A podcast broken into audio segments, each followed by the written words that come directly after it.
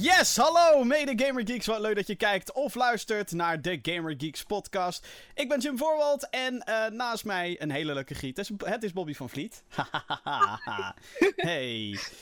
Jezus, wat is het warm. Mogen we dat als eerste even attenderen? Ja, het is echt belachelijk warm. Ik zit hier bijna gewoon weg te smelten op mijn stoel. Dat zeg je terwijl je een tuinbroek aan hebt en daarboven nog een shirt. En het zal me niks verbazen als je daaronder ook nog eens drie shirts aan hebt. Dus jij moet niet klagen. Nee, nee, Toch niet? Oh, nee. Oké.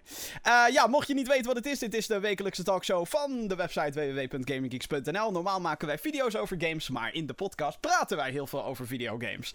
En dat is heel erg leuk. Uh, mocht je nou trouwens uh, binnen zitten in deze godsvergeten hitte, datum van opname is 28 mei 2017. Het is, het is nu tropisch. Je moet, je moet het zeg maar even voorstellen dat als je dit op een ander tijdstip luistert, het is nu dusdanig heet dat het binnen gewoon zonder airco of whatever, eigenlijk kouder is dan buiten? Um, ik hoopte dat dat zo was. Oké, niet iedereen is ermee mijn, mijn, mijn, temperatuurmeter geeft aan dat het hier 30 graden is binnen. Oh jeetje. En dat terwijl ik twee ramen tegen elkaar open heb staan. Dus dat is echt super top. Dus prachtig weer om binnen te zitten. Prachtig. Uh, helemaal niet natuurlijk. Um, ja, nee, uh, ik bedoel, het is, het is altijd... Ik vind het altijd wel lastig hoor, als het gaat over gaming en dit, weet je wel. Ik bedoel, mm. zomertemperaturen. Heel veel mensen zeggen dan, oké, okay, ja, maar dan heb je toch juist je handhelds en je Gameboys en je DS'jes en zo heb je daarvoor. Ik vind het altijd kut om met dik vet fel zonlicht op zo'n apparaat te gaan zitten buiten. Dat is gewoon waardeloos. Ik, je kan gewoon niet goed zien wat er op je scherm gebeurt. En kijk, met een Pokémon of zo is dat niet zo erg. Maar als je echt met spannende spellen bezig bent. Oké, okay, Pokémon is een ander soort spannend. Maar ja. dan, je ziet het gewoon niet. En dat is, ja, ik vind buiten gamen echt waardeloos. Maar, nu het weer lekker weer wordt, hè?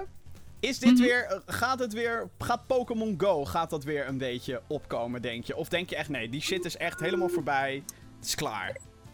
Ik moet zeggen, uh, toen ze net die nieuwe update hadden met uh, generatie 2, toen, dat was ook toen het net een beetje lekkerder weer werd. Ik ja. merkte dat er echt wel weer meer mensen op straat Pokémon Go aan het spelen waren. Alleen heb ik wel het idee dat de rage van de tweede generatie veel sneller aan het uitsterven is dan, uh, dan hoe snel, hoe lang één eigenlijk meeging.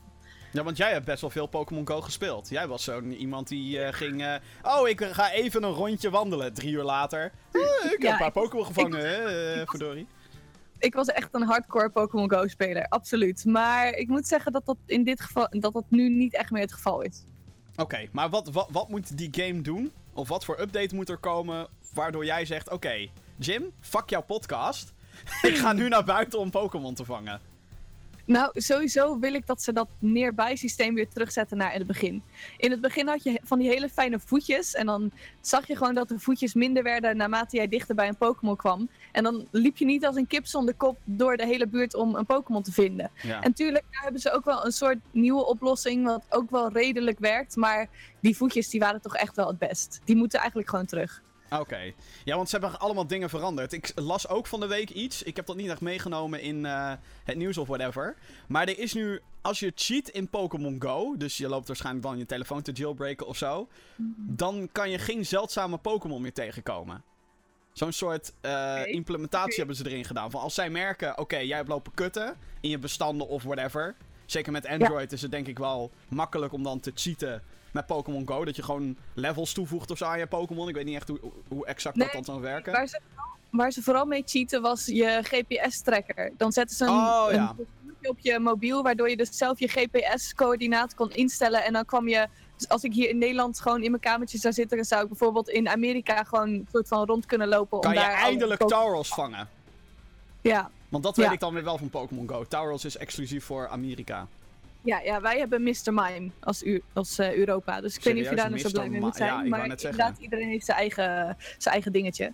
Maar ik vind het wel goed dat er een consequentie aan zit. En ik hoop ook dat het met terugwerkende kracht zo is. Want juist het mooie aan Pokémon Go is dat je naar buiten gaat en beweegt en lekker bezig bent. En als je dan gewoon een beetje binnen op je kamer met je GPS-trekker gaat zitten, ja, dat, dat is toch niet leuk? Is Pokémon Go nog steeds de game om buiten te spelen? Of zeg je, joh, uh, wees een vampier, lekker naar binnen, gordijntjes dicht, ventilatortje nou, aan. En Wat ook wel tof zou zijn. Ik weet niet of dat. Volgens mij was het gewoon een complete joke. Is het gewoon eh, een soort parodie geweest. Maar ze hadden het ook heel even over Harry Potter Go. ja, zo, hashtag fake news. Zeg overal op Facebook, er komt een Harry Potter Go! Iedereen was hyped, terwijl het eigenlijk helemaal niet komt. Maar mocht het nou ooit wel komen, dan Als, zou ik als Warner Brothers veel geld wil verdienen, moeten ze dat doen. Of, hey, Mhm. hoe beter wil je het hebben? Pokémon Go is een succes. Ik bedoel mensen, Fantastic Beasts and where to find them. Inderdaad. Just oh, mijn god, tof zijn. Ja, nee, dat, dat was echt het, een van de grootste hashtag fake news aller tijden. Ja, er komt een Pokémon Go. Ja, of, of een, eh, komt een Pokémon, er komt een Harry Potter Harry. Potter Go. Ja hoor, Ja. tuurlijk. Of, of die is er wel, maar die is dan gemaakt door een of ander obscuur Chinees bedrijfje. En dan denk je, hè? Ja, als ik dat op mijn mobiel zet, dan heb ik waarschijnlijk geen controle meer erover. Eh, zo, zo. Nee, dat eh, denk ik ook niet, nee. Hey Bobby, wat heb je allemaal meegemaakt deze week? Wat heb ik allemaal meegemaakt? Nou, ehm, wat ik als eerste heb meegemaakt is dat ik voor het eerst sinds tijden weer eens geragequit ben met een spel. Namelijk met Oh, shit. Earthlock. Ik eh, ben dat spel aan het spelen voor een, eh, voor een review.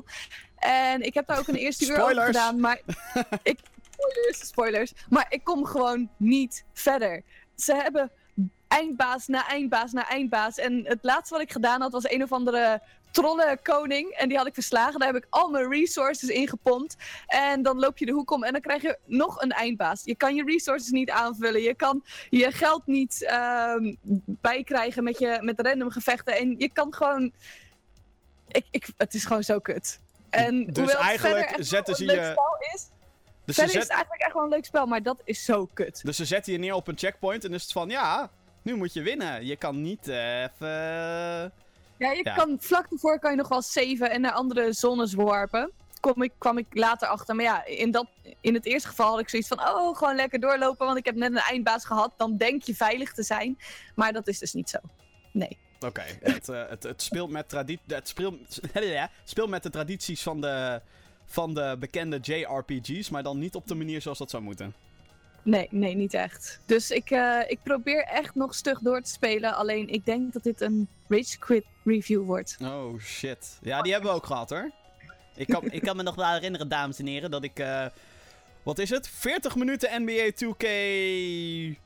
15? Een paar jaar geleden is het al. 15 had gespeeld en dat ik zoiets had van: dit is zo kut gewoon. En niet omdat de game zozeer kut was. Het probleem met die game was dat er geen tutorials in zaten. Voor iets wat Dat- best wel een, een, een, een simulatie basketbalgame is, dat ik toch wel zoiets heb van: goh, leg even die controls uit of zo. En wat blijkt dan achteraf? Ja, nee, die moet je eh, online op YouTube zijn er videotutorials. Fuck oh ja. Zet je fucking tutorials in de fucking game. Net zoals met Ja. Destiny 1. Dat ze het verhaal, dat, dat, op een, dat je dat op een website maar moest lezen. Dat was echt bullshit. Gaan ze verbeteren in Destiny 2 trouwens. Ja, gelukkig wel. Want dat is echt zoiets raars aan dat spel. Maar goed. Ja, ik ehm, ben eh, nogal aan het tanken qua films. Want eh, je hebt het waarschijnlijk wel meegekregen. Er is een nieuwe Pirates of the Caribbean film is eruit. Ja, dit is even off topic. Maar ehm, ik wil het er toch even over hebben. Want Pirates of the Caribbean. Ik weet, het, het, het is de piratenfilm. Zeg maar. Het is de piratenserie.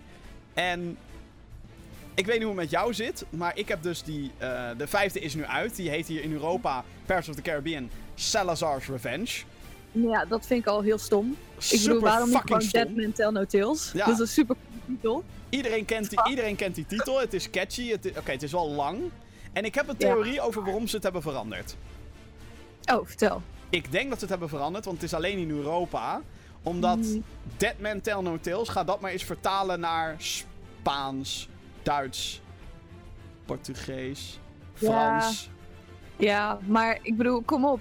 Wij hebben in Nederland toch ook gewoon Dead Man Tell No Tales en Salazar's Revenge. Kunnen ze dat daar niet ook gewoon Salazar's. gaan doen? Ja, ja, weet ik ook niet. Ik, ik, ik, Ja, Het is de, enige, is de enige verklaring die ik trouwens kan bedenken voor die naamsverandering. Maar ik heb de vijfde film nog niet gezien. Ik weet dat die uit is. Morgen ga ik eh, erheen. Maar ik heb oh, dus afgelopen week... ik- morgen. Afgelopen week heb ik dus de vorige vier heb ik lopen tanken. Mhm. En ehm, daar waar de eerste trilogie een beetje zwak eindigde, vond ik. Ik vond At World's End, de derde film, vond ik een beetje all over the place. Van, oh ja, ik hoor nu daar. En nu hoor ik daar. En nu hoor ik daar. En dan is het van, ja, maar het zijn piraten. uh, maar het was wel...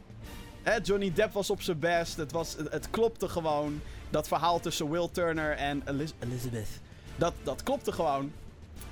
maar ik heb dus vanochtend de vierde afgekeken. Ja. En dit is waar ik dus bang voor ben met die nieuwe film, hè? De vierde film is fucking slecht. On Stranger Tides. Wat een kutfilm is dat.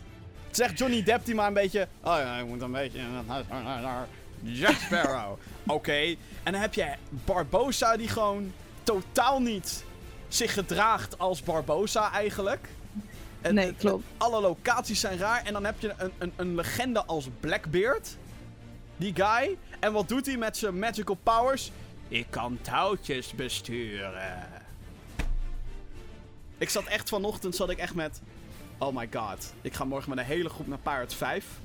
Mhm. En dit is wat ervoor kwam. What the fuck? Ja, ja, ik moet zeggen, uh, ik heb vier wel gezien. Ergens toen Lang het net uit... Ja, maar ook dat is een probleem. Er gebeurt niks significants in die hele kutfilm niet. Nee, ik weet gewoon heel die film. Ik weet het gewoon niet eens meer. Maar ja, hm. misschien moet ik hem toch maar, ook al is hij heel slecht, terug gaan kijken voordat ik naar deel 5 ga. En jij hebt hem ook nog niet gezien? Nee, nee, nog niet. Oh, ik, uh, ik ga of maandag of anders ergens aan het einde van de week. Even kijken. Ja, ik uh, zie nu uh, in de. Oké, ik lees dat er spoilers gedaan worden in, in de Twitch-chat waar we nu live zijn. Ah. Nope, oh jee. Nope, nope. gaan we niet naar kijken. Maar ik ben heel erg benieuwd. morgen ga ik er dus heen. Pirates of the Caribbean, Salazar's Revenge. Spannend.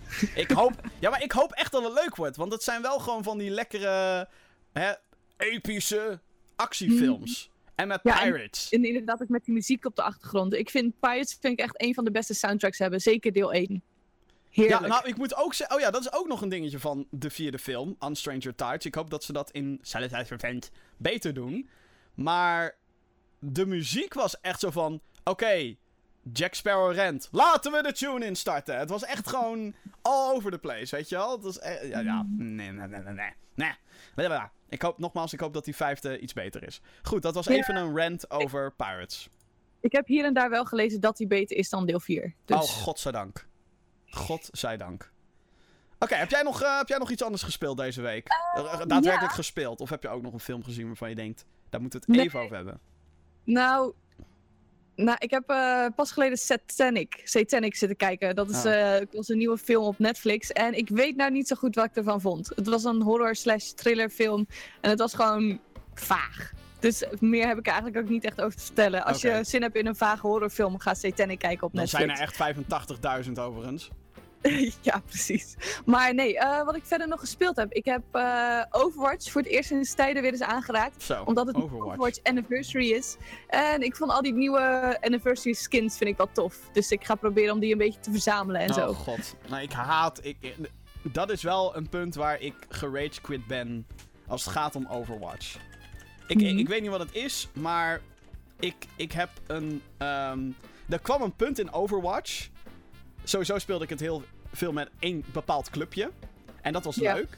Maar dan komt op een gegeven moment gewoon zo'n punt dat ik denk: oké, ik kan niet meer casual spelen. Hè? Mijn, mijn, mijn MMR of whatever. Mijn ranking wordt dan te hoog. En dat klinkt dan heel arrogant. Maar dat is dan niet zozeer dat ik goed ben in de game. Want ik ben fucking slecht in Overwatch. Ik ben scheef en nou ja, alles erop en eraan. En mijn timing is altijd off. Bijna altijd. Um, Maar dan merk ik ook gewoon dat een paar mensen in zo'n speelgroepje worden dan super fanatiek. En dan gaan er echt alleen maar met mensen spelen die net zo goed zijn. Ook al speel je op niet ranked. Weet je wel? Ik mhm. denk, jongens, we zijn gewoon voor de lol aan het spelen. Weet je wel, zoals een spelletje bedoeld is. Maar ik snap het. Mensen zijn competitief. Ik snap het. Ik heb het ook een beetje met Heroes of the Storm. Mm Komen we zo op terug. Maar... Um, dat lootbox systeem in Overwatch is zo frustrerend. Zo fucking frustrerend. Dan betaal je. Nu is de prijs lager, 40 euro kost ook. Of nou, nu zie je volgens mij ook in de aanbieding in verband met die anniversary en zo. Maar. Mij wel. Laten we even gewoon voor het gemak zeggen dat Overwatch 40 euro kost. Hiervoor 60. Dus dat is mhm. gewoon een full price voor een full game. En dan klopt. word je genaaid met zo'n lootbox systeem. Zo van, oh ja, tijdelijk. Want die, oh, die Olympische skins, die komen alleen maar wanneer het seizoen misschien weer een keertje oppopt. En dan He, de, want die lootboxes zijn dus random. Dus je krijgt allerlei dingetjes uit, zo, uit van die digitale kistjes. Je krijgt uh, sprays, dus dan kan je op de muur een beetje bekladderen. Je krijgt voice lines, je krijgt taunts. En je krijgt dus uh, nieuwe kleurtjes en pakjes voor je characters. Hartstikke leuk. Waar het niet dat, stel dat je iets dubbel krijgt in zo'n lootbox, dan krijg je maar ja, je krijgt echt super weinig 10%. Uh, want je kan ook eigen skins kopen. En dat doe je dan met gold. En gold kan ook in lootboxen zitten. Maar als je dus een ding dubbel krijgt. Dan krijg je daar dus ook gold voor. Maar dat is super weinig. Ja. Dus als je eenmaal een beetje hebt gespeeld, dan is de kans dat je duplicates krijgt natuurlijk veel hoger. En dan krijg je allemaal van die shit en dan denk je, ja, verdomme. Maar er is natuurlijk een oplossing. Je kan lootboxes kopen. Ja, nou, ik moet je eerlijk zeggen, ik heb één, nog nooit meegedaan aan uh, zo'n season. Nog nooit competitive gespeeld. En twee, ik heb nog nooit geld, gegeven, uh, geld uitgegeven aan die game. Omdat het is gewoon... I don't know, zo vaak speel ik het niet. En zo graag wil ik al die skins en zo ook weer niet hebben. Dus ik vind het alleen maar zonde om er dan geld aan uit te geven. En ik weet nu al wat mensen gaan zeggen. Ja, maar Heroes of the Storm heeft ook loot chests tegenwoordig. Maar die game is free to play. Ja, dus, ja klopt. Nou. Dus dat is al heel anders. Maar hoe gaat het met die uh, skinjacht nu? Nou, ik moet zeggen, uh, om echt uh, wat skins te vergaren, moet ik en beter worden. Want wat je zegt, de rest is allemaal door blijven spelen. En die zijn allemaal supergoed. En dan kom ik erin met mijn level, wat heb ik, 45 of zo. En ik ben gewoon echt nog steeds heel slecht. Dus dan probeer ik wel te levelen. En ik probeer lootboxes te krijgen zonder er geld aan uit te geven. Maar dat is echt verdomd moeilijk, kan ik, uh, kan ik zeggen. Dat ja, je is moet gewoon levelen eigenlijk. bijna gewoon. Ja, het is een beetje... Um... Ja, ik, ik, ik ben misschien is het flauw om te zeggen, maar dat hele lootbox gebeuren heeft mij ook een beetje uh, afgehaakt op Overwatch. Op nou ja, bij mij was het niet zozeer dat ik daarop ben afgehaakt. Want ik vond het altijd wel leuk om er eentje te krijgen als ik een level omhoog ging. Maar ik merkte gewoon dat iedereen werd beter in dat spel en ik niet. En op een gegeven moment had ik zoiets van, ja, nou wil ik eigenlijk wel gezellig met diezelfde mensen blijven spelen. Maar die hadden echt zoiets van, oh ja, daar heb je haar nee, weer. Ja, dat uh, mag niet. Gaat haar, die gaat haar helpen. Je bent niet goed genoeg ben niet goed genoeg. Ook al spelen we unranked. I don't care. Ja, ja ik vind het, ik vind, vind een beetje flauw altijd. Dat, laat maar, laat maar zitten, dan, uh, dan hoeft het ook niet meer. Nee, precies. Ja. Um, ik heb ja. dus uh, een, een extreem. Ik heb echt een extreem ge geval gehad in een ander spel. Hero of the Storm! Lees een van de beste games ever. Zeg maar iets wat ik veel leuker vind dan Overwatch. Heroes of the Storm, de Blizzard MOBA, zoals ze het zelf nu ook noemen.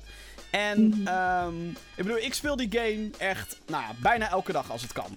Hè? Ik vind het fantastisch. Het is uh, uh, leuk om even tussendoor te doen met vrienden. Ik vind het leuk om uh, in mijn eentje te, te, te rank te doen als, als ik er zin in heb en als ik me goed voel. Als ik denk, ja, nu ga ik de boel overnemen. Yes!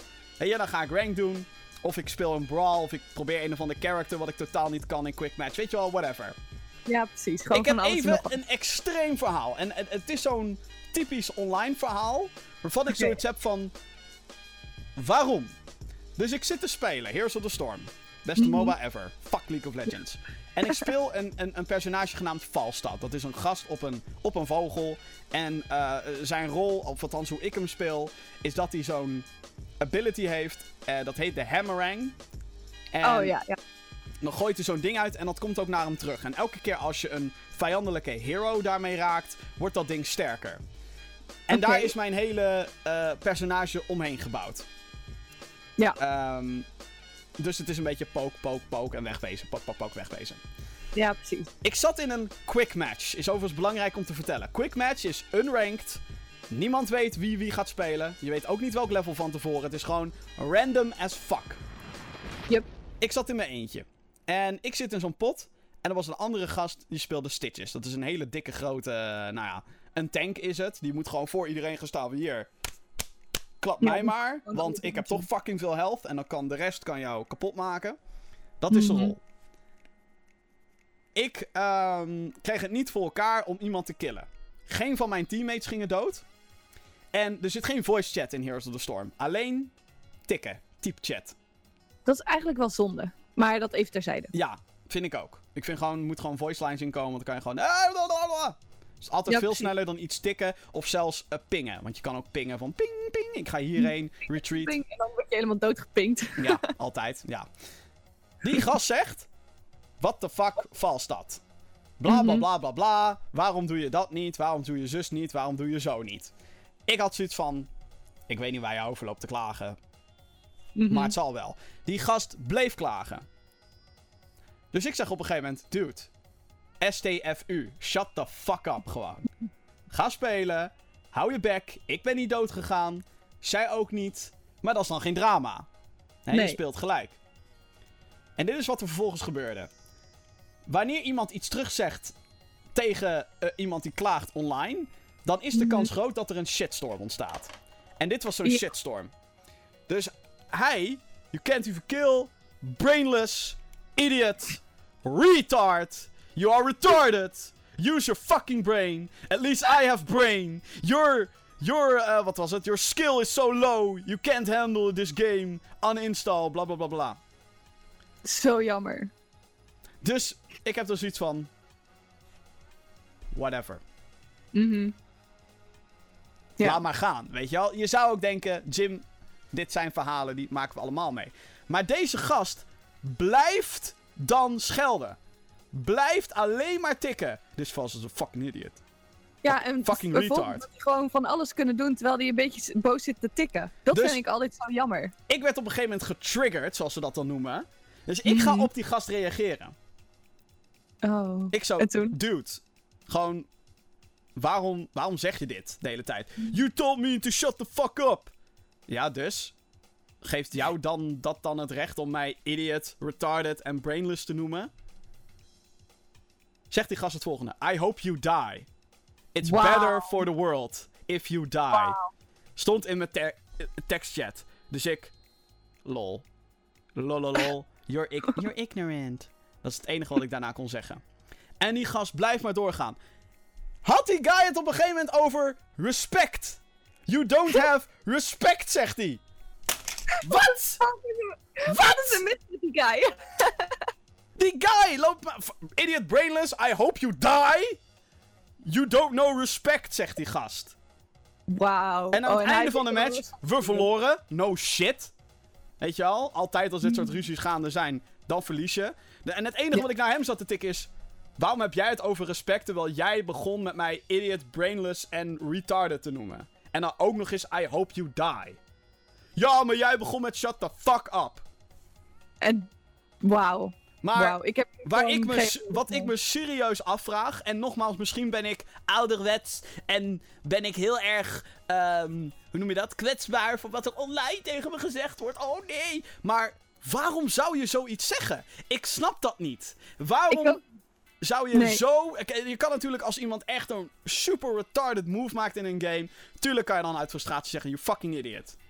Mhm. Maar hou het daar dan bij, weet je wel. Ja. Waarom zijn Maar- mensen zo salt in online games? Dat is een hele goede vraag. Maar ik heb dat ook zoiets pas geleden. Dat, volgens mij was dat met jou en. eh, volgens mij was Jeroen er ook bij. Maar dat we Overwatch aan het spelen waren. En dat er inderdaad ook zo iemand helemaal losging in die chat. Echt, Natuurlijk, dan wordt er. Dan wordt er wel een soort van geinig op gereageerd van, joh, weet je, wat fuck, doe normaal.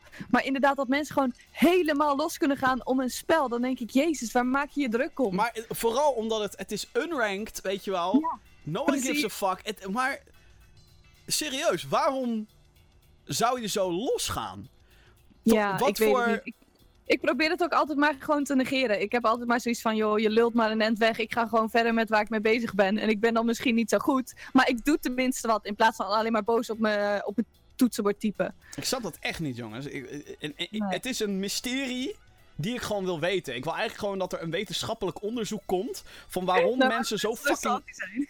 Ja, maar wat, wat, wat hier het gevaar van is, is dat dit ook trouwens de reden is waarom ik gestopt ben met League of Legends. Een hele tijd geleden probeerde ik League of Legends. Ik vond het Mhm. best leuk. Maar mensen, ook in unranked low level, alleen maar schelden. What the fuck doe je, fucking retard? Je gaat onder een botlane zitten, dit is niet volgens de meta. Oh my ja. god. En als Heroes of the Storm die kant op gaat, met dat soort mensen, oh my Mhm. god. Hou op. Ja, dat zou echt heel zonde zijn. Echt dus heel bij deze zonde. mensen, als je Want- geïrriteerd bent, Mhm. kappen dan. Ga een singleplayer spel spelen. Zo'n community kan gewoon een spel maken of breken. Ja, het, Het is gewoon... ik, maar nogmaals, ik, ik snap het echt niet. Ik snap echt niet waar die woede vandaan komt. Net als met YouTube comments overigens. Kijk, dat Ja. je een video van ons niet leuk vindt, dat kan. Maar waarom ben ik dan ineens een kankerteringleier? Weet je wel, wa- waar is dat voor nodig? Nogmaals, misschien ben ik heel conservatief, heel ouderwets, maar... Whatever. Mhm. Sorry, dat moest er even uit. Heb jij nog, eh, iets, eh, heb jij nog iets leuks gedaan eh, deze week? Ja, ik heb ook nog iets leuks gedaan. En dat is veel beter dan online met strangers die toch alleen maar schelden te spelen. Ik heb pas geleden Diablo 3 heb ik aangeschaft voor de PlayStation 4. Oh. Ik heb tegen wat vrienden gezegd van, joh, kom gezellig langs, we gaan Diablo 3 spelen en drankjes doen en whatever. En toen hebben we gewoon met z'n vieren, hebben, nou, ik denk bijna heel de dag Diablo 3 zitten spelen. En het was zalig. Het was zo leuk om gewoon gezellig met z'n allen op de bank weer eens te spelen. Want dat hadden we zo lang niet gedaan. Want tegenwoordig gebeurt bijna alles online. Dat couchco-op, dat... I don't know, het gebeurt niet meer zo vaak. En juist als het dan wel weer een keer gebeurt, dat is gewoon zo ontzettend gezellig. Dus ja, dat doe ik nu regelmatiger. Dat ik gewoon zeg van, joh, eh, iemand zit in Diablo 3 en dan komt weer iemand langs. Dat is wel cool. Ik, vind, eh, ik vond de PS4-poort van Diablo 3 wel echt supergoed. Mhm. Het was wel echt een game waarvan ik zat, oké, Blizzard heeft dit super puik in elkaar gezet voor die console. Terwijl het natuurlijk een PC-game is, van nature. Ik, eh, ik ben wel een beetje klaar met Diablo 3 zelf. Jij ontdekt het dan net. En dan Ja, zit je ook ja, nog eens met vrienden. Maar het... Maar- Ja? Weet je wat dat cool zou zijn? Kijk, ik ben nu natuurlijk net begonnen met Diablo 3. En eh, het grappige is wel, ik ben nog niet voorbij, eh, nou ja, net voorbij Act 1. Maar Ja. dat wel drie keer, omdat er telkens andere mensen voorbij kwamen. En die wilden dan een nieuw mannetje en die wilden dan vanaf het begin spelen. Dus nu kan ik wel verder gaan spelen. Maar het zou wel super cool zijn als er eh, in de nabije toekomst ook een Diablo 4 zou uitkomen. Ja, Dat want, eh, want mocht je niet weten wat het is, Diablo... Diablo 2 is trouwens de beste game ooit gemaakt, even tussendoor. Maar Diablo 3 is een, eh, een hack-and-slash RPG, noemen ze het. Je, je speelt als zo'n guy van boven en je moet een beetje... Nou, op de PC moet je klikken. Allemaal monsters slachten en als je die monsters droppen dan weer loot. En dan word je weer sterker door en je gaat levelen en dan kan je allemaal skills kiezen. En het is best wel een duister spel. Ehm, ja. Alleen wat een beetje het probleem bij mij is, ik heb natuurlijk die story mode al lang uitgespeeld. En wat het op den duur is bij die, de endgame noemen ze dat dan. Ehm, dat je op, de- op een gegeven moment ga je dan van die random generated dingetjes doen en random quests. Zodat je overal level sterker wordt. En ze hebben dan van die seasons. Dus elk seizoen kan je dan bepaalde rewards krijgen en bepaalde gear en zo als je, als je dingen doet. En, Mhm. eh, maar op den duur wordt het gewoon een patroontje uitkiezen. Met deze beeld, deze gear moet je op zien te sprokkelen. En dat is het. Zeg maar, Oh, ik, ja. heb, ik heb Ja, gasten ja. gezien. Die weten dan exact hoe dat allemaal werkt. Ik weet het allemaal niet, ik heb er geen tijd voor. Maar die gaan dan gewoon letterlijk door de game heen. Die lopen gewoon langs vijanden. En al die vijanden pleuren neer. Ja, Ja, nee, maar ik moet echt betere gear hebben. Want anders kan ik een niveau hoger. Dat kan ik dan niet handelen. En dan denk ik, wat is daar leuk aan dan?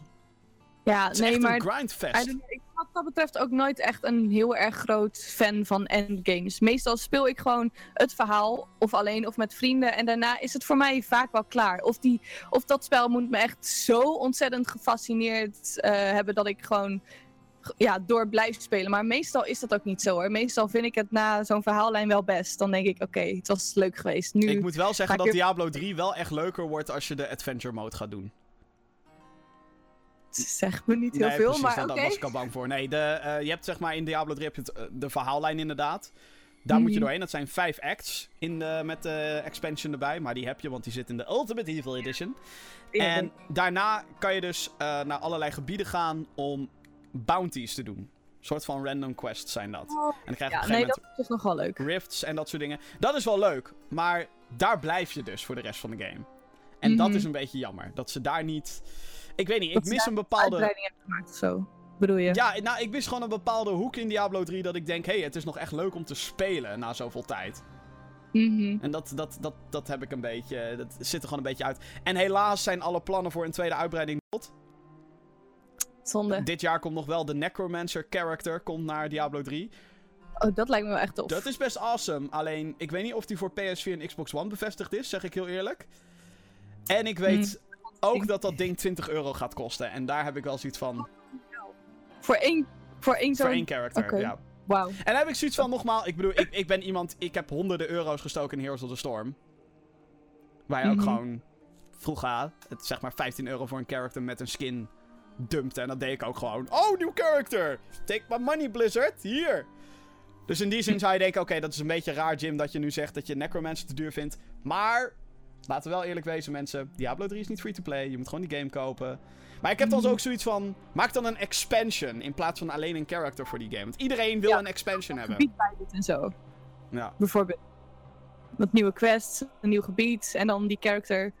ja. Ja, dat, dan zou het al veel sneller 20 euro waard zijn dat je dan wanneer je alleen maar dat karakter krijgt. Ja, alleen maar die Necromancer. Reaper of Souls was een grote eh, uitbreiding. Da da daar kreeg je die eh, Crusader kwam erbij. En heel Act Mhm. 5. En dat is echt een gigantische act. En het ziet er mooi uit. En de Adventure Mode kwam erbij. En al die flikkerse benden. Ze, maar ze behandelen het nu veel meer als een MMO, zeg maar. Dus ze doen elke keer updates, die seasons Oh, ja, en dat ja, soort dingen.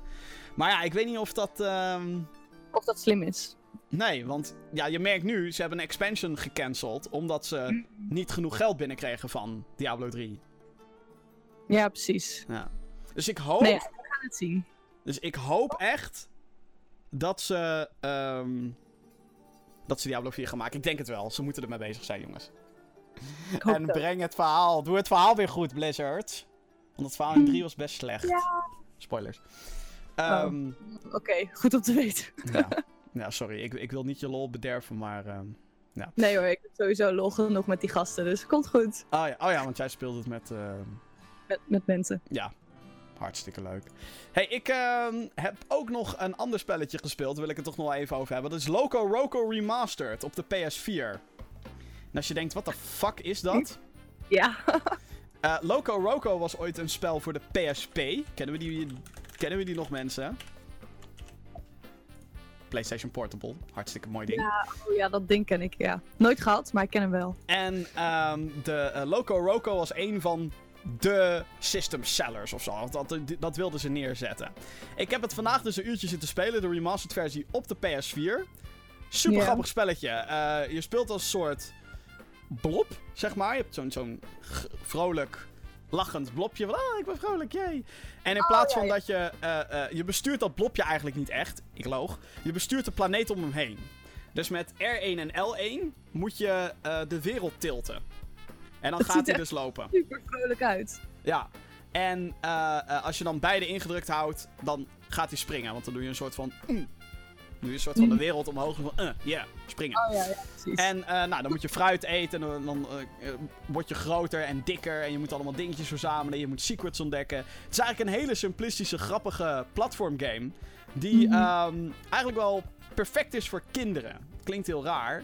Maar het is echt zo'n game. Super onschuldig. Super voor kids. En ja, ga gewoon maar. En als je een gamer bent. Hallo. Dan zijn er allemaal secrets en zo die je kan ontdekken. Want sommige van die dingen zijn best wel pittig.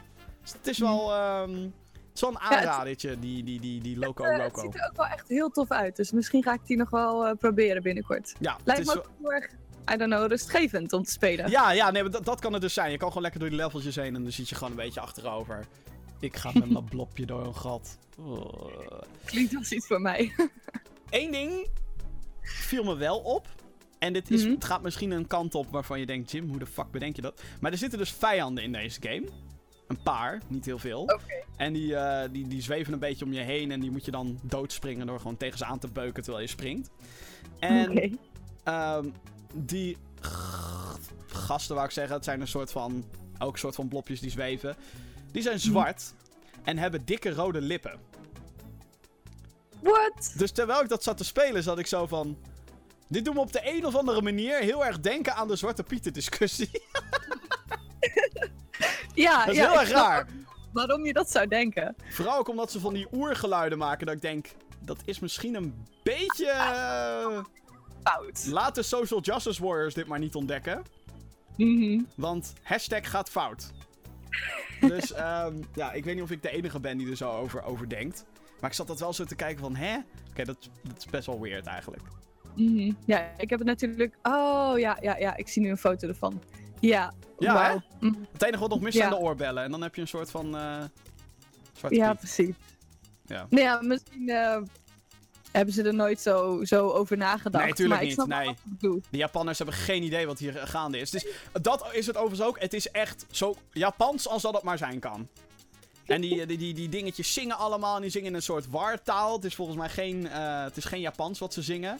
Continu liedjes, continu, continu blij, continu leuk. Dus het, is wel... eh, ik werd ook een beetje vrolijk vanochtend. Net, net nadat ik Pirates 4 had gezien, had ik, eh, ging dit even spelen. Dus dat was wel eh, fijn. Goed, laten we even kijken naar wat er allemaal in het Gamer Geek nieuws zat deze week. Want we hebben Yes. heel veel om te bespreken nog in deze podcast. Waaronder ook mailtjes. En we hebben echt heel mail- veel leuke mailtjes. Maar eerst, wat zat er in het Gamer Geek nieuws deze week? Eh, ja, Tom Holland gaat Nathan Drake spelen in de Uncharted verfilming. Wie is Tom Holland, hoor ik je al denken? Spider-Man. De nieuwe Spider-Man dan. Ik moet zeggen, ik weet niet zo of ik daar nou blij mee ben of niet. Aan de ene kant is het van Uncharted een heel slim idee dat ze het zo op gaan zetten met een jonge Nathan Drake. En wa- wat jij ook al zei laatst, als hij dan inderdaad ouder wordt, dat je dan nog steeds dat hij mee kan. Ik had stiekem toch wel een beetje op Jensen Ackles eh, gehoopt. Hmm. Die, eh, dat hij Nathan Drake zou spelen. Gewoon Chris Pratt. Die gast kan alles. Die, die gast kan alles, dat is ook waar. Ja, het is, eh, het is wel een opvallende keuze. Het is een keuze die Sony gemaakt heeft nadat ze eh, de, de final cut van Spider-Man zagen. En dan was Sony zo van, ja, nee, hij moet ook Nathan Drake gaan spelen. Want met die jongen kunnen we veel geld verdienen waarschijnlijk. Ik vind het Ja, een interessante inst- insteek. Ik vind het ook vooral leuk dat ze niet zomaar alleen de game gaan verfilmen of zo. Dat ze wel Mhm. een aparte insteek gaan kiezen. Ehm, maar ja, nogmaals, of dit de juiste route is. En vooral, wie gaat Sully spelen? Minstens net zo cruciaal. Ja, ik ben wel heel benieuwd wie ze daarvoor gaan uitkiezen. Ik had al een paar ideetjes en jij volgens mij ook. Maar Brad eh, Pitt, dames we, en gaan, heren. eh, we laten verrassen. Brad Pitt moet die shit gaan spelen. Brad Pitt als Sully is perfect, denk ik. Ja, ja, ik denk het ook wel. Eh, het was crisis in Gameland, want Red Dead Redemption 2 is uitgesteld naar de lente van 2018. Iets Ja, wat we allemaal zagen aankomen. Ja, zeker omdat... Wat is er nou nog bekend van dat spel? Volgens mij alleen nog maar die trailer, nog alleen, steeds. alleen een teaser trailer en hey, het komt naar de PlayStation 4 en de Xbox One. En nog steeds naar de fucking PC! Ah, arme jij. Met Ja, maar dat is bullshit! Echt bullshit. Iedereen weet dat de beste versie is de... En dit is wat ze gaan doen, hè? Eerst Mhm. brengen ze die PS4 en Xbox One versie uit. En een jaar later... Oh, gratis! Red Dead Redemption 2 komt naar de PC. En we weten dat jullie het allemaal weer gaan kopen. Want PC 60 frames per seconde. Ja, ja, wat dat betreft is het toch ook wel weer slimme marketing, denk ik Ik zomaar. heb, ik heb vier keer GTA 5 hier liggen, hè? Vier. Ja, dat is Vier bizar. keer. Ik heb hem twee keer, dus ik vind het nog Hier, zie je? meevallen. Maar dat is ook alweer twee keer. Ja, eens, eens. Kut Rockstar. Stelletje geniale bastard, want ik weet dat die game is zo goed, GTA 5. Dit wordt denk ik ook heel goed. Dan eh, Call of Duty WW2, die komt mogelijk naar de Nintendo Switch. What? Ehm, en dat is omdat Binox heeft een tweet de deur uitgestuurd waarin ze zeggen dat ze eh, twee Canadese oorlogsexperts langs hebben die uitleggen over oorlogstactieken en, en apparatuur en, eh, en dat soort dingen. Mhm. Dus ja, eh, er komt een Call of Duty naar de Switch waarschijnlijk. Maar of dat dan een aparte game gaat zijn of echt een port van WW2, ik denk niet dat laatste. Want waarom zou je mensen langs laten komen om... Ja, ik bedoel, dat is gewoon... Ja, om te maken, ja. Hier, hier heb je de code van de game waar we nu mee bezig zijn. Downgrade dat maar, dat is hoe een port gaat. Mhm. Ehm, ja, dus dat. Ga je hem halen als het, een, eh, als het echt een hele nieuwe is? Ik ben dan wel inderdaad dusdanig benieuwd dat ik wil weten wat ze ervan gebakken hebben, ja. Dat wel. Mhm. Maar als ik zou moeten kiezen. En hey, ik heb geen zeeën van tijd. Maar ik denk dat. eh, ik denk dat het, dat het. Dat ik dan alsnog voor de PC-versie gewoon ga. Want hey, Mhm. PC Master Race. Maar. Je weet het niet. Misschien. Ik, ik ben er wel altijd voor in als ze dit doen. Ik vind dat wel Ja. altijd tof. Maar ja, als het inderdaad gewoon een op zichzelf staand spel is voor alleen maar de Switch, ja, dan moet je hem eigenlijk al spelen natuurlijk. Ja, wellicht. Als, Wellicht. als hij er een beetje ik, goed uitziet. Ja, nee, ik, ik heb geen vertrouwen in die ontwikkelaar. Echt niet. Binox heeft echt mijn, eh, mijn, eh, eh, mijn vertrouwen een beetje vernakt. Want ze hebben Maar- zoveel fucking slechte Spider-Man games gemaakt, die gasten. Oh, daar zijn ze van. Amazing Oh. Spider-Man 2 kutspel. Ja, dat zijn echt hele tegen, tegenvallers geweest. Klopt. Echt heel slecht. Oh, nee. Ik wist niet dat zij ervan waren, moet ik eerlijk zeggen. Maar goed, ik, eh, ik ga hem sowieso niet spelen, want ik heb geen Switch. Al zou ik hem wel echt onwijs graag willen hebben. Alleen het is nog best wel een beetje prijzig. En ik De- hoop, de Switch eh, bedoel je nu? ik hoop dat er nog wat eh, toffe spellen voor uitkomen. En wanneer ik hem zeker wel ga halen, de Switch, is als ze straks aankondigen van... Ha, ja, st- Pokémon Stars komt ook op de Switch. En we hebben hem fucking e- episch gemaakt. Denk het niet, denk maar dan het zou ik hem sowieso halen. Ze hebben eigenlijk nog wel heel veel vertrouwen in die eh, 3DS. Ze gaan dat nog echt wel even doorzetten. Wat ik overigens Dat ook niet snap, maar whatever. Ik, ah, nou, aan de ene kant snap ik het wel, want er zijn nu... Het is het, 60 miljoen Switch, of, eh, Switches, eh 3DS'en verkocht. Dus ja, Ja, echt wel veel. de kans dat je daarop een game, eh, eh, hoe heet het? Game verkoopt is natuurlijk veel groter dan de nu 3 miljoen Switches. Ja, precies. Nee, het, het is waarschijnlijk logischer dat ze gaan voor bijvoorbeeld alleen maar de nieuw 3DS dan de Switch. Maar goed, Ja. eh, ook dat is afwachten. Overigens wordt de Switch hoop- wordt echt wel de moeite waard dit jaar. Dat wordt echt te gek. Ja, ik, eh, ik ga hem echt nog wel halen als, het, eh, als ik een beetje geld bij elkaar gespaard heb. Maar waar ik stiekem ook nog wel op hoop, nu we het toch ook over Pokémon Stars hebben, Oh is dat ze met in dat spel de Pokémon weer achter je laten lopen. Omdat er toen Sun en Moon uitkwamen, was er zo'n gerucht dat ze animaties hadden gevonden in, de, in het script, zeg maar, van bewegende Pokémon. Dus het zou echt super cool zijn als ze dat er weer inzetten bij Stars. Ik, denk, eh, ik denk eigenlijk dat Stars inderdaad een nieuw 3DS-titel wordt. Mhm. En dat ze dan de Pokémon die daarna komt, de nieuwe RPG, die wordt voor Switch. Ja, Ze zijn dat heel eh, zou heel langzaam. Zijn ze die overgangsperiode aan het doen. Ook de aankomende E3, er komen 3DS-games. Sowieso. Je zou denken, dat is lame. Het gebeurt. Ik zou er Ja. ook zelf niet voor kiezen, maar... En ook de nieuwe Monster Hunter. Die nieuwe Monster Hunter komt naar Switch en 3DS. Oké, oké. Ik Why? gaan aanpakken. Why? nou, ik heb zoiets van, daarmee beperk je toch alleen maar dingen. Ja. Ja. We Of gaan je maakt zien. gewoon twee soort van aparte spellen. Dat zou kunnen. Ja. Ja, maar dat, volgens mij doen ze dat niet met Monster Hunter. Volgens mij zijn die dingen wel redelijk gelijk aan elkaar. Hmm. Daarover gesproken, eh, dit gebeurde er ook nog. Er was een afbeelding gelekt van eh, de Mario RPG met de Rabbits. Ja, inderdaad. En dat ziet er fucking awesome uit. Dat spel wordt echt te gek. Ik heb er zoveel zin in. Nu al. Gewoon. Dus er komt Mhm. een, een crossover eh, RPG. Wordt ge gerumored dat dat het is. eh, waarin eh, Mario. met, met Peach en met Luigi en met. God, wie was die? Yoshi volgens mij. Mhm. En dan. En dan met... Ja, heb je een groepje rabbits. Maar die zijn dus ook allemaal verkleed als Mario, Luigi en Peach en dat soort dingen. Ja, klopt. Ja, die foto heb ik inderdaad voorbij zien komen. Het ziet er wel super grappig uit. Ja, het, ik, ik heb echt zoiets van, oké, ik dik die artstyle wel. Dat logo, het klopt gewoon. En ja, het is gewoon iets out of the box. Niemand zou dit Hm. verzinnen met een logisch hoofd. Nee. En nee, daarom vind ik het juist zo te gek. Dus, maar ehm, ik ben wel benieuwd. eh, ja, ik moet zeggen, ik ben benieuwd of het wel echt gaat aanslaan. Want het idee is leuk, maar of er echt heel veel mensen zijn die zeggen van ja, dit ga ik halen, weet ik niet. Ik, eh, ik sta vooraan de, rij, eh, vooraan de rij. Vooraan in de rij, whatever. Far Cry 5 heeft zijn setting en datum onthuld. 27 februari 2018 gaat die game pas uitkomen. Je kan je eigen personage creëren en de campagne is volledig in co-op te spelen. En ook de setting is nu officieel bevestigd. Het is Montana in Amerika. Eigenlijk een soort van moderne Wild West. Het is niet een Wild Western game zoals eerder werd gerumored. Het is wel in zo'n Hmm. staat waarin het Wilde Westen plaats had kunnen vinden. Maar het is gewoon modern. Moderne tijd. Ik, eh, ik ben er wel eh, stiekem heel erg hyped voor. Ik moet zeggen, Far Cry 3 vond ik echt geweldig. 4 heb ik niet gespeeld. Primal heb ik even gespeeld. Maar dit ziet er gewoon, het ziet er zo waanzinnig uit. En het feit dat je co-op kan, vind ik ook wel tof. Ik ga kijken of ik eh, Vincent zover kan krijgen om het samen met mij te spelen. Vincent was al heel erg met, met Ronald, was hij toen, van het gameportaal, was hij toen aan het kutten in Far Cry 4. Maar of dat dan Hmm. ook de campaign was die je dan samen kon doen, dat weet ik niet. Dat weet ik eigenlijk ook niet. Maar ik, eh, ja, het lijkt me wel echt een heel tof spel. Ik ben er wel echt... eh, Ja, ik ben benieuwd zin wat ze gaan doen. Ik hoop dat het, eh, dat het weer wat vernieuwt in de Far Cry formule. Want Far Cry 4 vond ik veel te veel lijken op 3. mhm. En dan kreeg je Far Cry Primal en dat was wel leuk.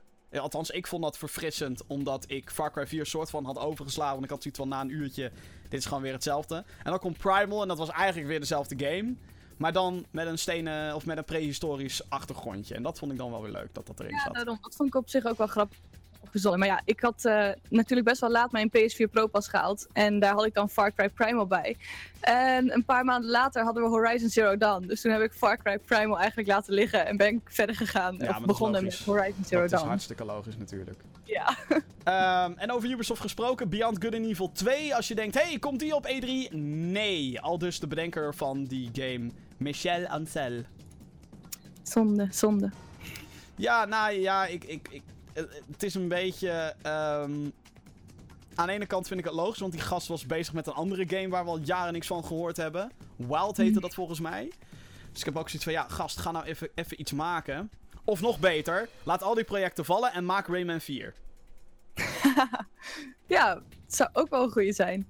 Gewoon Rayman 4. Niet, niet Rayman Rabbits, niet Origins, Legends, nee, Rayman 4. En of het dan een 3D-platformer moet worden of een 2D-platformer, I don't care. Hmm, ik zou wel voor 3D pleiten, denk ik. Ja, ik ook. Aangezien Origins en Legends allebei 2D zijn. Maar ik vind dat Ja, steltje niet heel erg tof. Een soort speedrunner game is het. Origins en Legends. Oh ja, nee, Dat klopt. Ik moet ook zeggen, ik heb ze niet, ehm, niet echt heel veel gespeeld. Omdat, ja, ik weet niet, ik was er best snel klaar mee. Ik vond Origins best tof, maar toen kwam Legends en toen had ik zoiets dat ziet er heel tof uit, maar... Ja, whatever. Meer geruchten die zijn verschenen over Mo- Call of Duty Modern Warfare Remastered. Je weet wel, dat is zo'n remaster van een 9 jaar oude game die eh, eerst alleen maar, die alleen maar kon spelen als je Infinite Warfare kocht. De 90 euro versie, de Legacy Edition. Eh, die gaat nu standalone dus eh, verschijnen. Althans, dat zijn de geruchten. 23 juni zou dat gaan gebeuren. Mhm. Ik weet niet of dat zo is. Ik eh, weet het ook niet, maar ik denk dat als ze dat zouden doen, dat hij misschien wel eh, op zich wel een publiek kan trekken. Dat hij wel het heeft veel te lang geduurd. Ze hadden dat al lang moeten doen. Ze Dat dat, sowieso. in maart... Maar ja, dat is eigenlijk met alles wel, tenminste vind ik dan in de game-industrie. Dat je denkt van, waarom kom je daar nu pas mee? Waarom niet al veel eerder? Ja. Maar vooral omdat die moet- remaster ligt er al. Hè? Het, het, het is klaar, het is af, het, het, het draait nu. Ze hebben fucking microtransacties en fucking DLC. Voor een remaster, seriously, fuck you. Maar waarom breng je dat gewoon niet uit? Ik snap dat echt Ja, niet. Ik, ik, ik weet het ook niet. Waarom zo maar lang goed, ze wachten? gaan het nu dus misschien wel doen, Ja, eindelijk. en ik heb nu wel zoiets van, goh, misschien moet ik er alsnog een review over maken. Nou, als dat zo is, dan eh, zien we hem vanzelf verschijnen, toch? Ja. Ik, eh, ik hoef hem niet te spelen, het is niet echt mijn type game. Ik moet wel zeggen Nee. dat ik Modern Warfare Remastered tot nu toe leuker vind dan Infinite Warfare. De multiplayer dan. Oké, oké. Betere balans, beter, eh, beter level design. Gewoon. Mhm. Crackdown 3, ja, kennen we die game nog? Waarschijnlijk niet. ja. Eh, Nee. Daar, daar, daar is het al heel lang ook stil rondom. Eh, ik verwacht dat deze E3, dat Microsoft echt gaat uitpakken met Crackdown 3. En dan, oh, zo draait hij op de nieuwe Project Scorpio Xbox One upgrade, yo. Het wordt een Play Anywhere titel, is nu officieel bevestigd. Dus dat betekent dat ik nog steeds geen Xbox nodig heb. Want, of Xbox One nodig heb. Of Scorpio, whatever. Want. Play Anywhere houdt in dat je hem ook op Windows 10 kan spelen. Ja, ja, ik heb dan toch eventjes een eh, upgrade van mijn computer nodig. Want ik draai helaas nog steeds Windows 7. Maar ik ben sowieso, eh, dat weet jij ook, aan het sparen voor een nieuwe computer. Zodat ik straks hele fancy nieuwe games kan spelen. Op Windows 10. Uitgever 2K die heeft geteased dat er een nieuwe grote of een, een nieuw deel in een grote franchise aankomt. En dan eh, is iedereen Borderlands, Borderlands, Borderlands. Althans, dat is wat alle game websites roepen. Ik heb zoiets van Gearbox heeft al lang gezegd dat Borderlands 3 eraan komt. Dus waarom zou 2K dan nu mysterieus gaan doen over een nieuw deel in een grote franchise? Jij hoopt op Bioshock, hè? Bioshock fucking 4. Het wordt tijd. Bioshock. 2K, Oh my you better. Dat zou echt super tof zijn. You better, 2K. Beter, gewoon. Veel te... Mhm. En mensen, afgelopen jaar is Bioshock The Collection uitgebracht. Dat doen ze niet zomaar. Nope. Dat doen ze met een reden. Maar ik moet zeggen, ik ben wel heel benieuwd hoe ze dat spel dan gaan aanpakken. Wordt het een Bioshock 3? Of wordt het weer zoiets Vier. heel anders zoals Bioshock Infinite? Het ik wordt wel denk dat- anders. Het wordt, Hm? het wordt niet Rapture en het wordt ook niet Columbia, sowieso. Want dat, dat is allemaal afgesloten. Het wordt in Ja. diezelfde universe, denk ik. En ik- kijk, aan de ene kant zou ik het tof vinden als het op de maan zou zijn. Een stad op de maan. Ja, ik bedoel, je bent onder water geweest. Rapture. Mhm. Je bent in de lucht geweest. Dat is er nog. En- Eigenlijk één... Ja, of ondergronds. Dat zou ook nog wel wat zijn. Dat zou ook wel tof zijn. Of een eh, zelf afgelegen Utopia-ding. Ja, Lees We Happy Few. De setting van We Happy Few. dat zou wel echt tof zijn ook. Ja, Ja, als, als, als We Happy Few een Bioshock game was, hè, dat had zoveel beter geweest, jongens. Wat een potentie hebben zitten. ze ook wel inspiratie gehaald uit We Happy Few. En hebben ze nu zoiets van, dit kunnen wij beter. We kunnen dus dat dit gaan beter wij doen. beter doen. Mocht je niet weten wat We Happy Few dan is, We Happy Few is eh, een game die nu in early access zit. Het is helaas een survival game en daardoor ben ik een beetje afgehaakt voor die game. Eh, maar de setting is zo tof. Je zit in zo'n dorpje waarbij iedereen fucking gemindfucked is door pilletjes die ze verplicht moeten innemen. En dat zijn joy-pilletjes. En als je die nou inneemt, dan zie je alle, alles is vrolijk, alles is leuk. En die typetjes die daar rondlopen en de sfeer, ik dacht echt van dit is Bioshock. Fuck, Mhm. weet je, dit had gewoon Bioshock 4 kunnen zijn. Maar goed, ja, we gaan het zien. Ik, ik, ik hoop echt op Bioshock 4. Alsjeblieft. Ik. Eh, ik weet niet of je deze gezien hebt, eh, Bobby, maar er is een eerste trailer voor de Netflix Castlevania-serie verschenen. Ik heb hem voorbij zien komen inderdaad. Fucking dope! Echt te gek! Ehm, is het heel erg als ik je nu vertel dat ik nooit een Castlevania spel gespeeld heb? Mm, nee, het moet wel een beetje je ding zijn. Ja, Denk het ik. was nooit mijn ding. Ik heb En echt hier, wel een hier paar... in Europa is het niet heel groot, Castlevania. Nee, klopt. Nee, en ik heb echt wel geprobeerd om spellen daarvan te spelen, maar nee. Nee, het was gewoon niet mijn ding. Ja. Dus Maar vooral omdat ook heel veel games verschillen natuurlijk van elkaar. De een is gewoon 2D, Hm. Eh, de, de, de eerste paar. Eh 2D, ga van links naar rechts, zweep alles verrot wat je tegenkomt. Ja, en dan heb je er wat meer open world Metroid. Metroidvania is nu een ding, dankzij Castlevania. Castlevania 2 heeft een beetje dat je bepaalde items ergens moet gebruiken. Eh, God, hoe heette die op de Playstation? Oh, wat slecht dit. Eh Castlevania... Fuck, hoe heette die? Nou ja, oh, wat eh, slecht. Alle maar- DS Castlevania's werken zo. Eh, oh, dit is heel slecht. Deze moet ik weten. Fuck. Hoe heette die? Ga jij even lekker opzoeken? Castlevania... Ik heb die trailer Symphony of the Night. Symphony of the Night. Oké, Sorry. weet je dat ook weer. Oh, wacht, dat Eh, zeg ik maar ik ben ja. wel heel benieuwd hoe ze die serie gaan aanpakken. En of dat wel mijn ding zal zijn. Want ik Nou, moet ik zeggen, denk die het wel. Het is anime-stilo. Ja, ik vond die trailer echt super tof. En inderdaad, anime is wel mijn ding. Dus eh, Ja, het, Ja. Het, het is de, het is de stilo van de DS-games een beetje. En ik vind dat eigenlijk wel heel gaaf dat ze die kant op gaan. mhm, ik ook, absoluut. Ik dacht eerst van, nee, gaan ze, er, gaan ze dat nou legit met gewoon mensen doen dan? Toen ik alleen maar dat, eh, die rumor had gehoord. Maar inderdaad, die trailer die maakt het alweer een stuk beter. Nou, ik had eerst zoiets van: maak die shit live action en maak het gewoon ouderwets gothic en zo. Dat, dat had ik te gek gevonden. En op het moment dat ik hoorde animatie, ik zoiets van. eh, totdat ik die trailer zag. Toen ik zoiets van: oké, dit ziet er wel echt heel goed uit. ja, het ziet er echt heel goed uit, inderdaad. Dan eh, iets minder leuks. eh, de release datum van Get Even. Dat is een game waar we het vorige week nog even over hadden. Eh, dat is een soort van first-person horror slash thriller game. Het ziet er best Ja. wel dope uit. Die is een maand opgeschoven qua release. En dat is ter gena- nagedachtenis van de slachtoffers in Manchester. Natuurlijk die... Ja, eh, het ding waar niemand woorden voor heeft. Omdat je eigenlijk alleen maar verkeerde dingen erover kan zeggen. Ehm, behalve dat het verschrikkelijk is wat daar gebeurd is. Klopt. Ehm, het is gewoon eigenlijk onbegrijpelijk dat mensen zoiets kunnen doen. En het maar, enige wat ik er eigenlijk over kwijt wil is... ehm, ga naar een concert. Als je er naartoe wil gaan. Geniet van je leven. Want... eh, ja, om in- je hele leven alleen nog maar in angst door te brengen omdat er misschien iets zou kunnen gebeuren, dat is geen leven Hmm. eigenlijk. Dus Bandai Namco vond het niet echt eh, gepast om die game uit te brengen eh, terwijl het allemaal gaande was. En daarom hebben ze het een paar weken of een, paar, een maand of zo hebben ze het opgeschoven. Dus in juni gaat Get Even alsnog verschijnen. Dus het is niet zo alsof, eh, alsof het gone is. Maar ja, mooi gebaar. Ja, absoluut. Vond ik ook. Ik, ik zag die aankondiging, ik weet niet meer waar, volgens mij zag ik het op Twitter ergens voorbij komen. En ik dacht van ja, ja, begrijp ik wel. Ik heb daar ook wel respect voor dat ze zo'n keuze maken. Ja. Ja, het is toch geld allemaal hè, wat er speelt. En eh, 23 juni lees ik nu trouwens. Dus bijna een maand. Ja, klopt. Eh, dan, ehm, de Xbox Live Games with Gold games die zijn bekendgemaakt voor deze maand. Eh, voor Xbox moet je natuurlijk betalen als je online wil spelen. Eh, en eh, PlayStation heeft eenzelfde soort ding. Eh, alleen die zijn nog niet bekend. Dit zijn de games voor juni die je gratis krijgt als je dus een Xbox Live Gold abonnement hebt. Dat zijn Speedrunners. Leuke game is dat. Leuke game voor op de bank. Watch. Dogs, de eerste.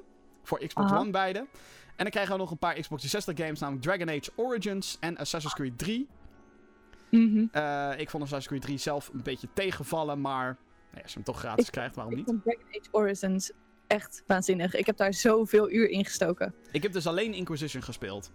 Echt? Ja. Ja, nee, nee. Je moet eigenlijk echt wel Dragon Age Origins spelen. Sterker nog, ik vond die qua verhaal, misschien ook omdat het de eerste was, maar ik vond hem qua verhaal echt wel zo ontzettend goed. Eh, Sterker nog, ik heb mijn vrienden er toen aangekregen, die eh, hebben dat spel ook gespeeld. En dat ging zelfs zo ver dat we eindelijk een soort van fanfiction-achtig verhaal eromheen hadden verzonnen. Het, was, e- het is echt heel erg, maar het- dat was gewoon omdat het spel gewoon heel goed was. En dan is er nog filmnieuws. Eh Angry Birds krijgt een vervolg, de film. Vind ik leuk, want ik vond die eerste echt wel leuk. Ja, Ik Echt ook. Ik heb echt zo moeten lachen bij die film. Dus eh, als je denkt, hè, Angry Birds, lame. Nee, echt waar. Die film hebben ze heel erg goed aangepakt. Echt heel goed. Verrassend leuk. Verrassend leuke animatie, leuke personages. Gewoon, het, het klopte. Ik had zoiets van, Ja. damn, dit hadden ze vijf jaar eerder moeten doen toen Angry Birds nog daadwerkelijk een hype was. Mm, ik moet zeggen, ik ging er best negatief in. Omdat ik zoiets had van, nou ja, wat gaan ze hier nou weer mee doen? En ook Maar Ben Stiller, lame. Aangenaam verrast. Ja. Echt super tof. En eh, de Resident Evil film franchise krijgt een reboot. Nice. Godzijdank. En James Hmm. Wan gaat het regisseren. En hem kan je dan weer kennen van. Saw. En volgens mij heeft hij ook een paar Fast and Furious films gedaan. Ja, volgens mij acht sowieso. Acht. Oké. Heb ik, ik heb nog geen enkele Fast and Furious film gezien. Ik ook niet. Oh, wat erg! Oh, wat erg! Oh, wat erg! Kan eigenlijk niet, hè? Eh. Nou ja, ik weet het idee erachter. Ja, auto's. Ja, precies. Auto. That's it. Oké, eh, een kijkje. Even koekeloeren in de mailbox. Eh, als je vragen hebt voor de podcast, dan kan je die natuurlijk altijd kwijt via podcast.gamergeeks.nl. Eh, zoals je merkt, we gaan overal uitgebreid op in. Zo ook de mail. En we hadden het net al even over Xbox. Hier komt meteen weer een mailtje binnen. We hadden het net al over Xbox. En ik kreeg een best wel lang mailtje van Lars. Vorige week vertelde ik namelijk dat ik een Xbox 360 nu heb. Is mijn eerste Xbox. Het is een Klopt, wonder. Ik speelde nu vooral Halo 1 op. Ik heb allerlei Halo games heb ik er nog bij gehaald. En ik vroeg me vorige week ook een beetje af. Goh, wat zijn nou de Xbox games die ik echt nog, nog moet spelen? Voor de, voor de Xbox 360. En eh, Lars die zei: Yo, ik moet zeggen dat ik eh, tot dusver erg heb genoten van de afgelopen podcast. Dankjewel. Hoewel ik het niet altijd eens met jullie meningen ben, blijft het een erg leuke podcast. Ja, het zou wat zijn als je het overal met ons eens bent. Zou niet goed zijn. Zou echt niet goed zijn. Aangezien Jim nu een Xbox heeft en ik best wel een Xbox fanboy, oh jee, heb ik nog wel wat aanraders. En ehm waar ik het vorige week ook over had, want dat vind ik altijd het grappige. Als je een oudere console haalt, zeker de vorige generatie, heel veel games zijn obsolet. Of er zijn inmiddels PC-ports, of je kan het via een remaster spelen op PS4 of Xbox One. Dus, weet je, en dat geldt trouwens ook voor Halo. Halo Master Chief Collection is er natuurlijk op de Xbox One. Maar ja, moet je Mhm. weer een Xbox One voor halen. Die shit hebben ze dan weer niet naar Windows 10 gepoord. Klootzakken. Oh, jammer. Anyway, Maar goed, een, hele, een hele lijst. Eh, Fable 1, 2, 3. Oké, ja. Ik weet het niet van Fable 2, maar ik weet dat Fable 1 en 3 beide op PC te spelen zijn. Twee volgens mij niet. Maar twee is volgens mij ook de enige die ik op mijn Xbox gespeeld heb. En Ja, het daarom- is daarom- vermakelijk. daarom zijn, ik weet het ook niet zeker. Maar waarschijnlijk niet. Maar ja, goed. 1 en 3 heb ik wel op PC, dus whatever. Eh, Blue Dragon en Lost Odyssey worden genoemd. Nou, dat zijn beide JRPG's. Veel te veel tijd kost me dat. Dus ik pass. Eh, Lost Planet. Volgens mij waren 2 en 3 waren daar ook voor op de PC te krijgen. Deel 1 weet ik niet zeker.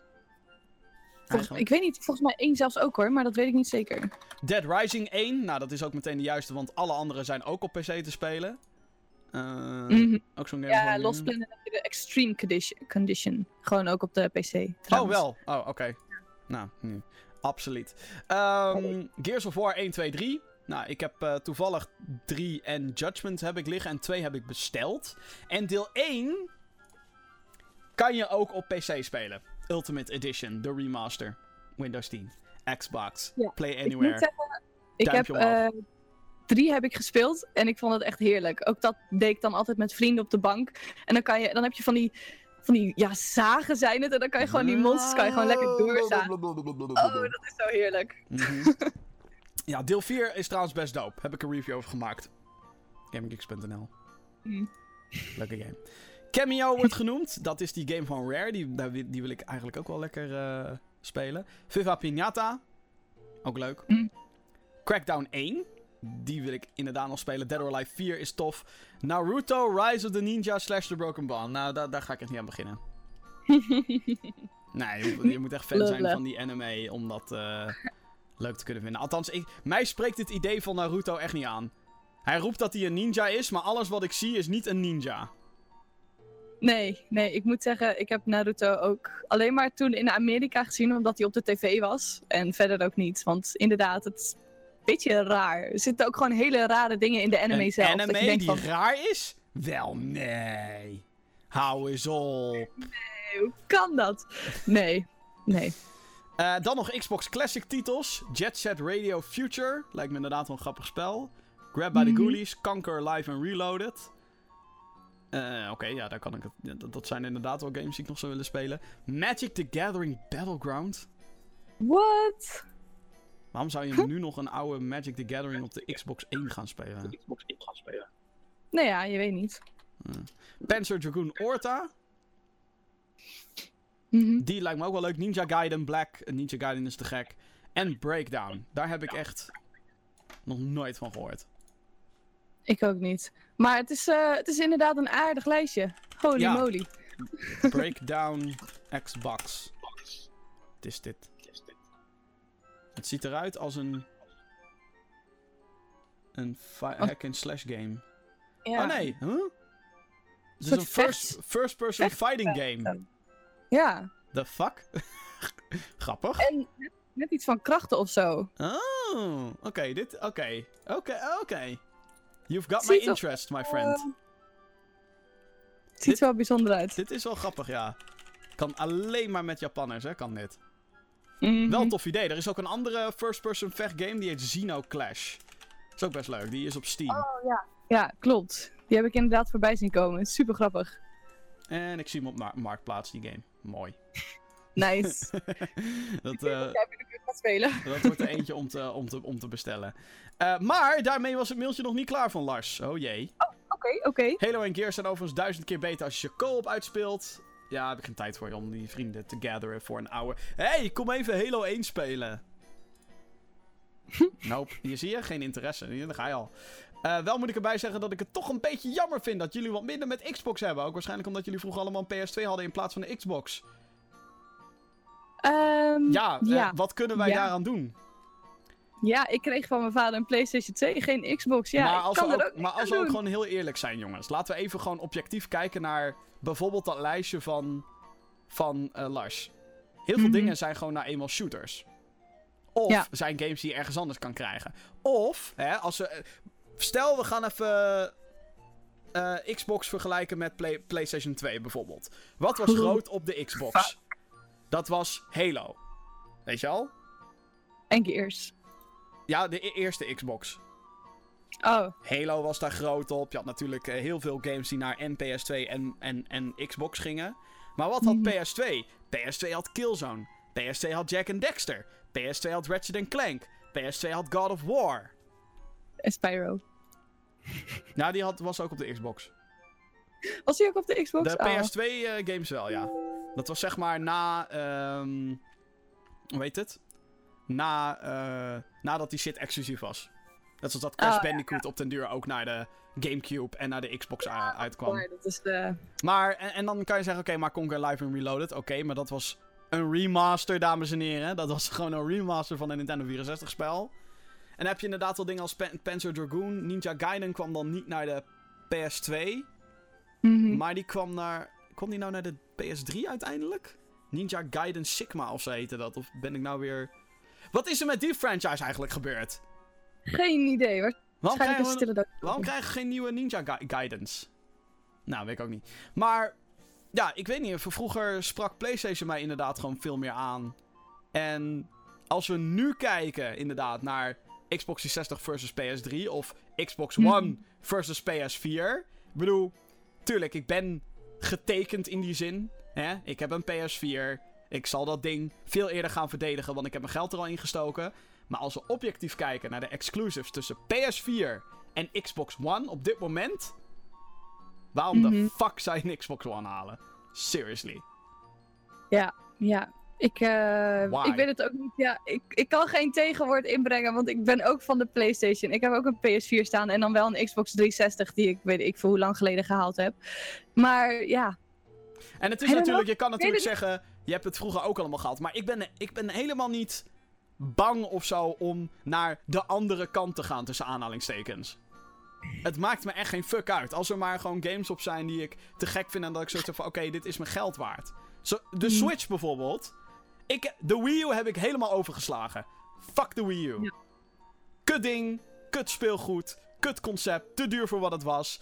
En ook al zijn er toffe games op de Wii U, het waren niet de games waarvan ik zoiets had van. En nu ga ik het halen. En je zou zeggen: Ja, maar Super Smash Brothers. De. Weet je Ja, wel? En maar ja, die, die komt toch eh, voor elke console weer daarom. uit. Dus. En nu met die Switch heb ik zoiets van: Oké, Zelda, die is ook op de Wii U, dat weet ik. Maar Zelda, de Wii U Mario Kart, maar dan dat je een portable kan. Een nieuwe Mhm. echte 3D Mario game. Yes, gewoon.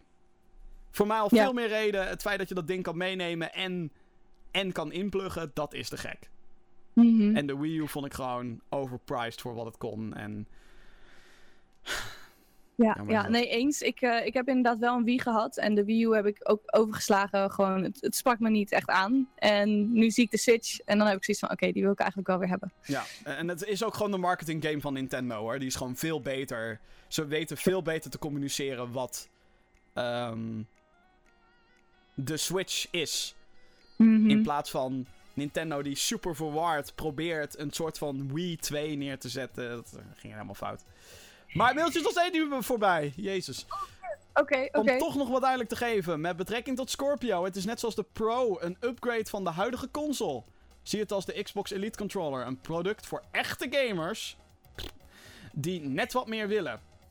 Alle games die verschijnen op de Xbox One kun je dus op de S en Scorpio spelen. Met als verschil dat die van de Scorpio veel beter draait. Lees 4K. Zo zullen nu alle multiplat games er verreweg het beste uitzien op de Scorpio. Oh! Dat zeg je nu wel, maar waar is je bewijs? Daar ben ik ook wel heel benieuwd naar. Dat is, dat, dat is nou een Xbox fanboy opmerking. Dat is een Xbox fanboy eigenlijk opmerking. Dat de Scorpio dus eigenlijk meer te ver- vergelijken is met de PS4 Pro. Ja, dan dat dat is het ook. nieuw iets is. En eh, het is trouwens, het staat zwart op wit. De Scorpio is sterker dan de PS4 Pro. By a Mhm. long shot. Waarom de fuck is het een upgrade op de Xbox One? Maak het een nieuwe Xbox. Die strijd heb je al lang verloren met PS4. Noem het gewoon Xbox whatever. Niet whatever, maar Nee, op zich mag het best Xbox Scorpio heten, maar zeg dan dat het gewoon een nieuwe console is en het moet de nieuwe zijn. Als dit niet de nieuwe is, zijn ze crazy. Echt Yep. crazy. En volgens mij Ja. is het, de, hard, de hardware is ook gewoon een dikke, vette geüpgrade Xbox One. Dat vind ik zo dom. Die strijd heb je al lang verloren. Echt al lang verloren. Als je alles opnieuw neerzet. En misschien gaan ze dat ook wel zo aanpakken hoor. Maar. En, en je zegt wel dat games het beste eruit gaan zien op Scorpio. Dat hangt er maar net vanaf welke ontwikkelaar. Ja, Want ik eens. kan dan deze kaart trekken. Raad eens waar games het beste erop uitzien. Op de PC, bitch! PC Master Race, motherfuckers! Ja, kom op. Dat is echt...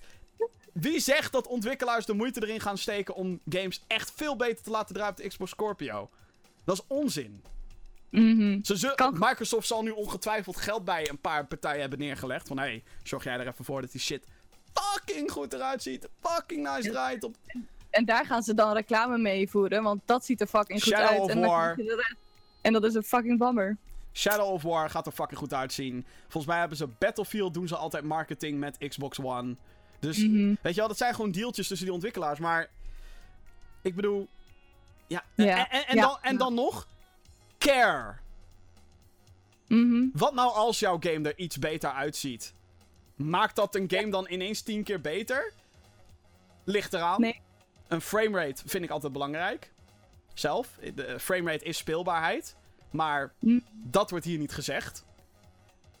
Nee, eens, eens. Ik bedoel, ja, eh, eh, zou ik een PS4 Pro willen hebben? Tuurlijk. Sommige dingen zien er beter uit. Maar ook met de PS4 Pro merk je al.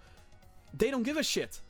Mhm. Weet je al? Tuurlijk, de Sony games hebben 4K-ondersteuning. De meeste games krijgen 4K-ondersteuning voor PS4 Pro. Dat ziet er dan extra nice uit op je televisie. Dat is tof. Er zijn een paar games die eh, draaien dan beter in 1080p, zeg maar. Dan hebben ze een soort boost mode, hebben ze.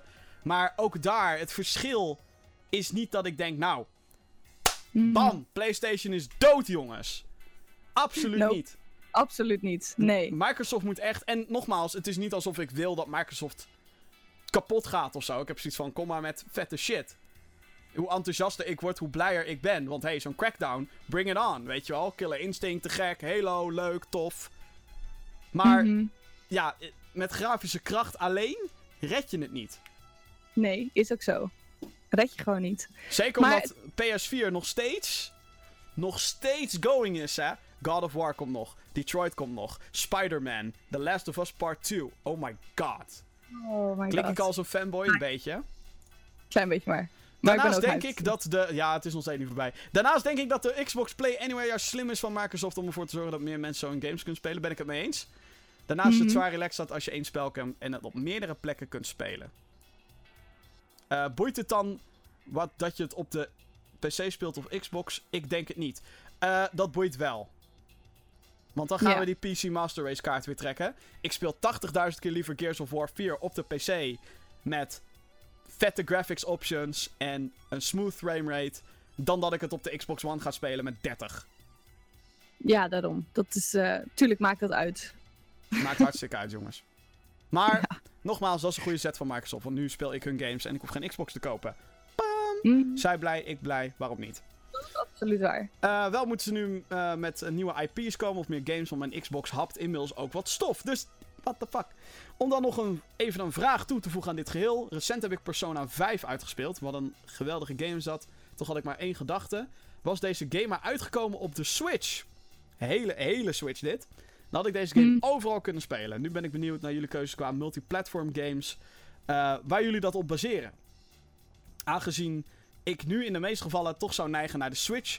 Puur voor het gemak. Dus als er een multiplatform game uitkomt. Op welk platform wil je dat dan spelen? Dat is een goede vraag. Hele leuke. Ja, dat is absoluut een goede vraag. Heb jij voorkeuren voor bepaalde games dat je zegt, nou dit speel ik en dan, dan maakt het niet uit op wat het uitkomt. Dit speel ik liever op de Xbox, dit speel ik op de PS4 of hè, whatever, of dit op de PC. Dan- Ja. Mhm. Heb je specifieke gevallen? Nou, sowieso de Pokémon games en zo op de 3DS, maar dus heb je ook geen keuze in. Exclusive, dus Eh, dat is niet echt eerlijk. Multiplatform games. Er, ehm, ik moet zeggen dat ik shooters, zoals bijvoorbeeld een Overwatch, die, zou ik, die speel ik toch het liefst gewoon op de PC. Dan zit ik er, het goed, dan zit ik er goed voor, heb ik mijn keyboard en mijn muis en dat, dat, dat loopt dan gewoon lekker. Ja. Terwijl juist ehm, de wat eenvoudigere, wat rustigere games, die speel ik dan liever op mijn PlayStation 4, omdat ik dan gewoon makkelijk op de bank kan gaan zitten, een beetje lang uit, met mijn controllertje, spelletje spelen. Dus ik, I don't know, dan ga je gewoon wat meer in een relax-modus. Ja, ik ehm, speel bijna alles op PC. Want hey, Mhm. dikke videokaart, veel geïnvesteerd. Daar maak ik graag gebruik van. Ook eh, eh, zeker in verband met is het makkelijkst om op te nemen op de PC. Speelt ook af en toe mee in mijn keuze van platform. Eh, maar, ehm, nou, natuurlijk de exclusive speel ik liefst op PS4. Ehm, de platform games, of third-person games, Mhm. ligt er wel aan wat voor type. Hè, als het een third-person shooter is, dan liefst alsnog PC, want muis en toetsenbord. Maar een third-person platform actie. Ja, ik had Little Nightmares op de PC kunnen spelen, maar die heb Ja, ik dan nee, op de PS4 nee. gespeeld. Eh, en een spel zoals Rhyme, die onlangs is uitgekomen. Ja, doe mij dat toch inderdaad maar voor eh, een PS4 of op de PC met een controller. Want dat is natuurlijk ook gewoon een mogelijkheid. En ja, eens. er bestaat natuurlijk ook gewoon de mogelijkheid om eh, eh, je, je PC door te husselen naar je televisie, zodat je dat Mhm. Nee, maar ik doen. moet zeggen, ik eh, ben tegenwoordig al gauw geneigd om sneller een spel voor de PS4 te halen dan voor de PC. Maar dat is ook gewoon omdat mijn PC redelijk outdated is. Dus inderdaad, de ja. shooters en zo, die doe ik op PC. En de rest doe ik gewoon liever op PlayStation 4. En fighting games speel ik liefst op de PlayStation 4. Dus Ja. Injustice, Tekken gaat sowieso voor de PS4 komen. I don't care of die op de PC komt, op PC Master Race, pff, whatever. PS4 controller. Gewoon, bam, DualShock, Mm. let's go. Eens. En eh, eh, eh, dan speel ik indie games. Dat is ook wel leuk. Indie games speel ik het liefst op de PlayStation Vita of op de Switch. Dat zijn perfecte handheld games. Ik moet zeggen dat ik indies eigenlijk dan weer liever op de PC speel. Maar ja, ik heb ook geen Switch als keuze, dus dat scheelt. Als ik een Switch zou hebben, zou ik het waarschijnlijk op de Switch spelen. Nou, als je dan bijvoorbeeld zo'n Risk of Rain hebt bijvoorbeeld, daar heb ik zoiets van, ah, de... en meestal haal ik die dingen dubbel. Dat is dan het ergste, Ja. want ik heb Risk of Rain dan voor Vita, PS4 en PC.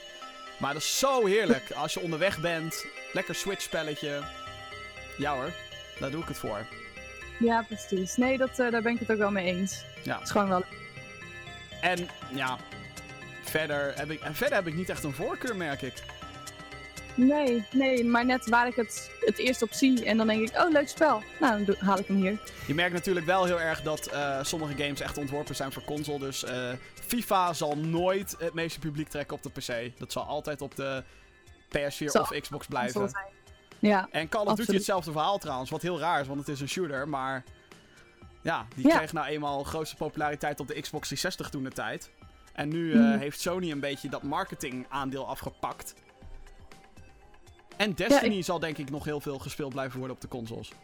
welke? Destiny 2. Oh, Of ja, Destiny ja, dat denk ik ook wel.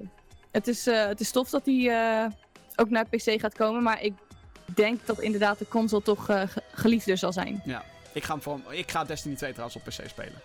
Ja? Ja, ik weet het nog. Oké, dat was dat hele lange mailtje. En ja, dat was een hele lange. Thanks Lars. Eh, je moet. Ja, Lars, als een eh, heel lang mailtje inderdaad. Dan Stan van Stan, die zegt... hey Gamer Geeks, ik heb een vraag over Nintendo. Denken jullie dat er een kans bestaat dat Nintendo zijn games ook gaat uitbrengen op de PlayStation 4 of Xbox One? nee, Nee. ik denk het niet. Als de Switch nu fucking hard had gefaald... Dan misschien wel. En de 3DS is. Dan heeft Nintendo geen keus. Dan moeten ze wel. Hmm, Maar Nintendo heeft zijn eigen hardware. No fucking way dat ze games op concurrerende platforms gaan uitbrengen. Ga- nooit niet doen. Ondanks dat ze beweren dat het geen concurrerende platforms zijn. Dat is bullshit. Hmm, Is het wel. Ehm, nee, ze brengen gewoon alles uit. eh, eh, nu nog ook voor 3DS, maar straks is het Switch all the way. Ja, precies. En dat is Absoluut. logisch. Want ja, Sony gaat ook niet zeggen: hey, deze game komt naar de Xbox. Mhm. Nee, is ook zo. Maar dat, ik denk dat het ook altijd wel zo zal blijven. Tenminste, voor heel lang zo zal blijven. Als Nintendo niet op het punt staat om failliet te gaan, dan eh, zal het inderdaad. eh, Sterker nog, Nintendo is wel zo'n bedrijf die zo koppig zou zijn dat ze zeggen: nee! Mhm. Tot- Totdat ze failliet gaan. En dan is het. Stel dat Nintendo failliet gaat, Ja. moet je nagaan. De veilingoorlog tussen Sony en Microsoft voor Mario. Oh my god. Mhm. Stel. Ja. Stel, gaat- gaat- niet gebeuren. Maar. Is een leuk dingetje. Oké, eh, Jeroen die heeft gemaild. Hallo GG's. Als, jullie je kanaal, eh, als, als je jullie kanaal een beetje volgt. eh, weet je dat jullie geen groot fan zijn van sport slash simulatie games. Nu niet zeggen dat je Wii Sports en Mario Tennis hebt gespeeld. Dit gaat over echte sportgames. Wat is de Mhm. laatste echte sportgame die je intensief gespeeld hebt? En waarom trekt dit soort spellen jullie niet? Een sportieve groet van Jeroen. Oh god. De laatste sportieve game die ik gespeeld heb. Ehm telt Rocket League? Eh, ik denk het niet. ik denk het ook niet. Nee, ik eh, speel never, nooit geen sportspellen. De laatste is De denk ik NBA laatste 2K denk ik kutzooi jaren geweest. geleden. Ja. Echt jaren geleden. Gewoon omdat ik met mijn broertje op vakantie was in zo'n Nederlands eh, park. En dan had je daar zo'n zo'n console staan. Ik weet niet eens meer wat. En ehm nou ja, dat is wat ik gespeeld had. Gewoon alleen dat. En dat is echt, wat ik zeg, jaren geleden. Ja, ik zit, ik zit ook te denken. Ja, ik, denk, ik denk echt dat het, die, dat het uh, NBA 2K bla bla bla is geweest. Dat ik daarna ook echt ben afgehaakt. Het trekt me inderdaad niet. Ik vind het vaak te ingewikkeld en uh, het, het, het probleem met, met die games is, voor mij, het is realistisch. En wat wil ik juist zien en doen in games? Niet realistische dingen, voor mij. Mm Ik bedoel, het is tof dat er soms realistische elementen in zitten. En als dingen er realistisch uitzien, is dat tof. Um, en het ligt er natuurlijk ook maar net aan welk spel. Ik trek nou echt hier, hier, hier een, een, een blik open waarvan je denkt: oh shit, wat voor mhm. discussie kan dit worden? Um, het is bijvoorbeeld tof dat in The Last of Us. dat sommige dingen enigszins realistisch zijn binnen die setting. Mm Maar met een sportspel bijvoorbeeld heb ik zoiets van: ja, de regels. Uh, en de sportspellen. Uh, daar is het vaak zo dat je. Het is gebaseerd op beweging en conditie in het echt. En bij een game heb je dat natuurlijk niet echt, naar mijn idee. En dan heb je zoiets van, ren harder, ren harder. Maar dat kan dan niet, want hè, regels van het spel en de conditie van de speler en dat soort dingen. Er wordt dan wel meegenomen, maar... Ik weet niet, ik, ik weet niet echt wat, wat, wat me niet trekt. Maar ik weet wel dat FIFA is tegenwoordig te, te ingewikkeld voor me. Dat ik denk, wat? Gebeurt er allemaal? Ja, precies. Dus uh, dat. En ja, als we het dan hebben over simulatie. Mm, ik ben, ja. Ben ik daar ook niet van? Nee, niet echt. Vaak zijn dat hele langzame spellen, simulaties. Vaak heel erg. Oké. Dit moet je ja, doen. precies. Net zoals. Uh, Ja. Even anders. Ja. Mijn bel gaat al drie keer. ik doe het volgende mailtje wel even. Ja, is goed. Ik uh, ben zo weer terug. Ma maak je niet druk, maak je niet druk. Wordt gewoon maar aangebeld. Uh, gegroet Gamer Geeks mailtje van Tim. In welke bestaande stad of gebied zouden jullie een open wereld uh, in een open wereld game willen free roamen? Dat is inderdaad een hele goede vraag. Uh, bestaande stad of gebied. Waar zou ik willen free roamen? Dit beeldje krijg ik net binnen trouwens. Um, ik denk gewoon in Rotterdam dan. Of Amsterdam. Dat lijkt me wel tof om een keer. Een, een, ja, ik ken niet heel veel steden uit, uit mijn hoofd. Maar Utrecht. Een, een, grote Nederlandse stad. Waarom, waarom doen we dat een keertje niet? Dat lijkt me leuk. Als, we dat, uh, als dat een keertje komt. Er was volgens mij bij Ubisoft een tijdje geleden een game in ontwikkeling. Uh, een soort VOC-spel. En dan was je in, in, in, in de havens van Nederland of zo. Maar die werd gecanceld. Dus uh, dat, dat, dat zou me ook wel leuk lijken als ze dat zouden doen. Wat voor spel nog meer? Of wat voor spel, wat voor gebied nog meer? Ja, Nederland een keertje. Doe eens gek. Uh, hallo Jan. Ben ik weer. Ik heet geen Jan, maar goed. Heb je Ruizing Storm 2 Open Beta gespeeld? Ik vond hem echt heel gaaf. Maar ik vind dat er weinig mappen zijn. Verder ben ik benieuwd naar Escape Form Tarkov. Ken je dat? Komt er nog een PC-café? Ik kijk elke pot met een T. Cast, ga zo door. Goedjes gevaarlijk in 1990. Uh, nee, ik heb Rising Storm 2 niet gespeeld. Rising Storm 2 ook niet. Uh, Escape from Tarkov ken ik wel. Dat is een soort... Uh, God, wat is het ook weer? Um, een soort Daisy. Maar dan first person. En...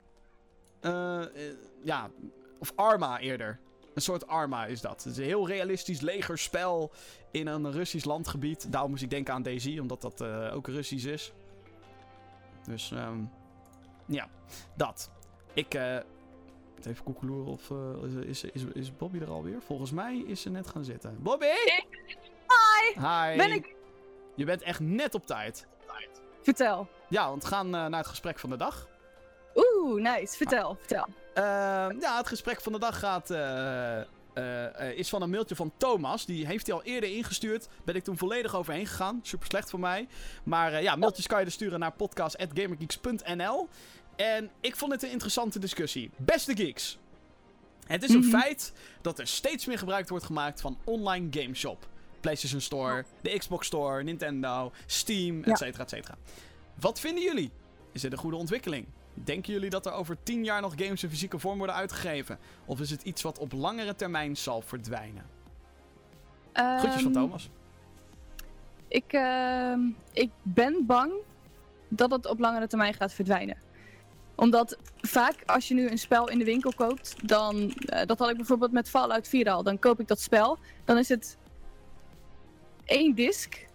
En de rest was, het was een, en de rest was een code of zo. Ik, ik weet niet precies meer, maar je krijgt gewoon niet meer die, die full game om te installeren zoals vroeger. En dan kan je dat spel spelen. Maar het gaat allemaal via via. En dat vind Mensen, ik best wel jammer. Eh, het is nu natuurlijk heel gemakkelijk allemaal. Hè? Je gaat Hm. naar Steam, je klikt twee of drie keer en dan afhankelijk of je dan een PayPal-account gebruikt of je moet even met zo'n zo'n bankpasje moet je even kutten. En dat is het, weet je wel. Dan heb je een game. Dan gaat die downloaden. Dat Klopt. gaat tegenwoordig ook super snel. Tenzij het een fucking groot spel is en een beetje afhankelijk van je internetverbinding natuurlijk. Maar ehm, ja, het, het, het, het is heel makkelijk. En daarom wordt het gedaan. Ehm, ik ben het met je eens, Bobby. In de zin van. Als je een game nu retail koopt. Waarom zou je? Want je krijgt bijna niks. Voorbeeld. Ik met superveel enthousiasme Mario Kart pre-orderen. Weet je al? Mhm. De Switch is nog wel een, een platform waarvan je denkt, nou. Hè, Nintendo is nog niet heel erg ver gevorderd als het gaat om online functionaliteiten. Ehm, Nee. De Switch heeft gewoon een cartridge slot natuurlijk. Dus ik bestel fucking Mario Kart 8. Hier is het hoesje. Ik doe het hoesje open. En weet je wat erin zit? Niks! Oké, ja, er zat een cartridge in. Die zit nu in mijn Switch. Verder niks! Mhm. Wat? Weet je wel, what the fuck? Geen. En dan denken: Geen- ja, maar je leest die instructieboekjes toch nooit. I don't care. What the ja, fuck? Ja. Niks. Is toch raar? Ja, nou ja, aan de ene kant is het raar, absoluut. Want je bent gewoon gewend dat als je een spel koopt in een, in een hoesje, dat er ook allemaal boekjes en dingetjes bij zit. Maar aan de andere kant ook wel weer logisch. Want inderdaad, wanneer lees je dat nou? Ja. Ja, Ja. Eh, eh, maar, het is wel zonde. eh, eh, ik, ik, heb, eh, ik mis gewoon dat oude, lekkere gevoel, weet je wel. Van je hebt een product gekocht. Het voelt Ja. nou steeds meer alsof je een, letterlijk een code koopt. En die zit dan Mhm. ergens op een digitaal account. En dat vind ik zo Ja. jammer, vind ik dat. Ik ook. Ik bedoel, tuurlijk, het is zo ontzettend makkelijk om gewoon even, wat ik, moet ik zeggen, dat doe ik ook wel regelmatig. Dat ik gewoon even naar de PlayStation Store ga of naar Steam. En dan, oh, dat is een leuk spel. Nou, die wil ik wel hebben. En dan schaf je hem aan en dan heb je hem. Maar ik, het is aan de andere kant ook wel gevaarlijk. Gevaarlijk omdat, eh, dat heb ik recentelijk nog meegemaakt. Ik had een spel aangeschaft op de PlayStation 4. Mijn PayPal-account bleef eraan gekoppeld staan. Vervolgens heeft iemand mij via een spel weten te hacken. Heeft mijn Ah. PlayStation 4-account dus in gebruik genomen. En had 150 euro op mijn PlayStation-account gezet van mijn PayPal af. Dus het is zo ontzettend gevaarlijk eigenlijk ook. Terwijl als Ja. je naar de winkel gaat, je koopt dat spel. Nou ja, eh, ik heb nog nooit meegemaakt dat iemand, dat, dat iemand de bordsmit inkomt met een wapen en zegt: Geef me al je spellen en al, mijn, en al je geld. Ik bedoel, wat dat betreft is het toch ook weer zo fraudegevoelig, zo gevaarlijk. Ja, het is, De- het is, je geeft alles uit handen eigenlijk. En Ja. nogmaals, aan de ene kant is dat logisch. En ook al koop je wel een game fysiek.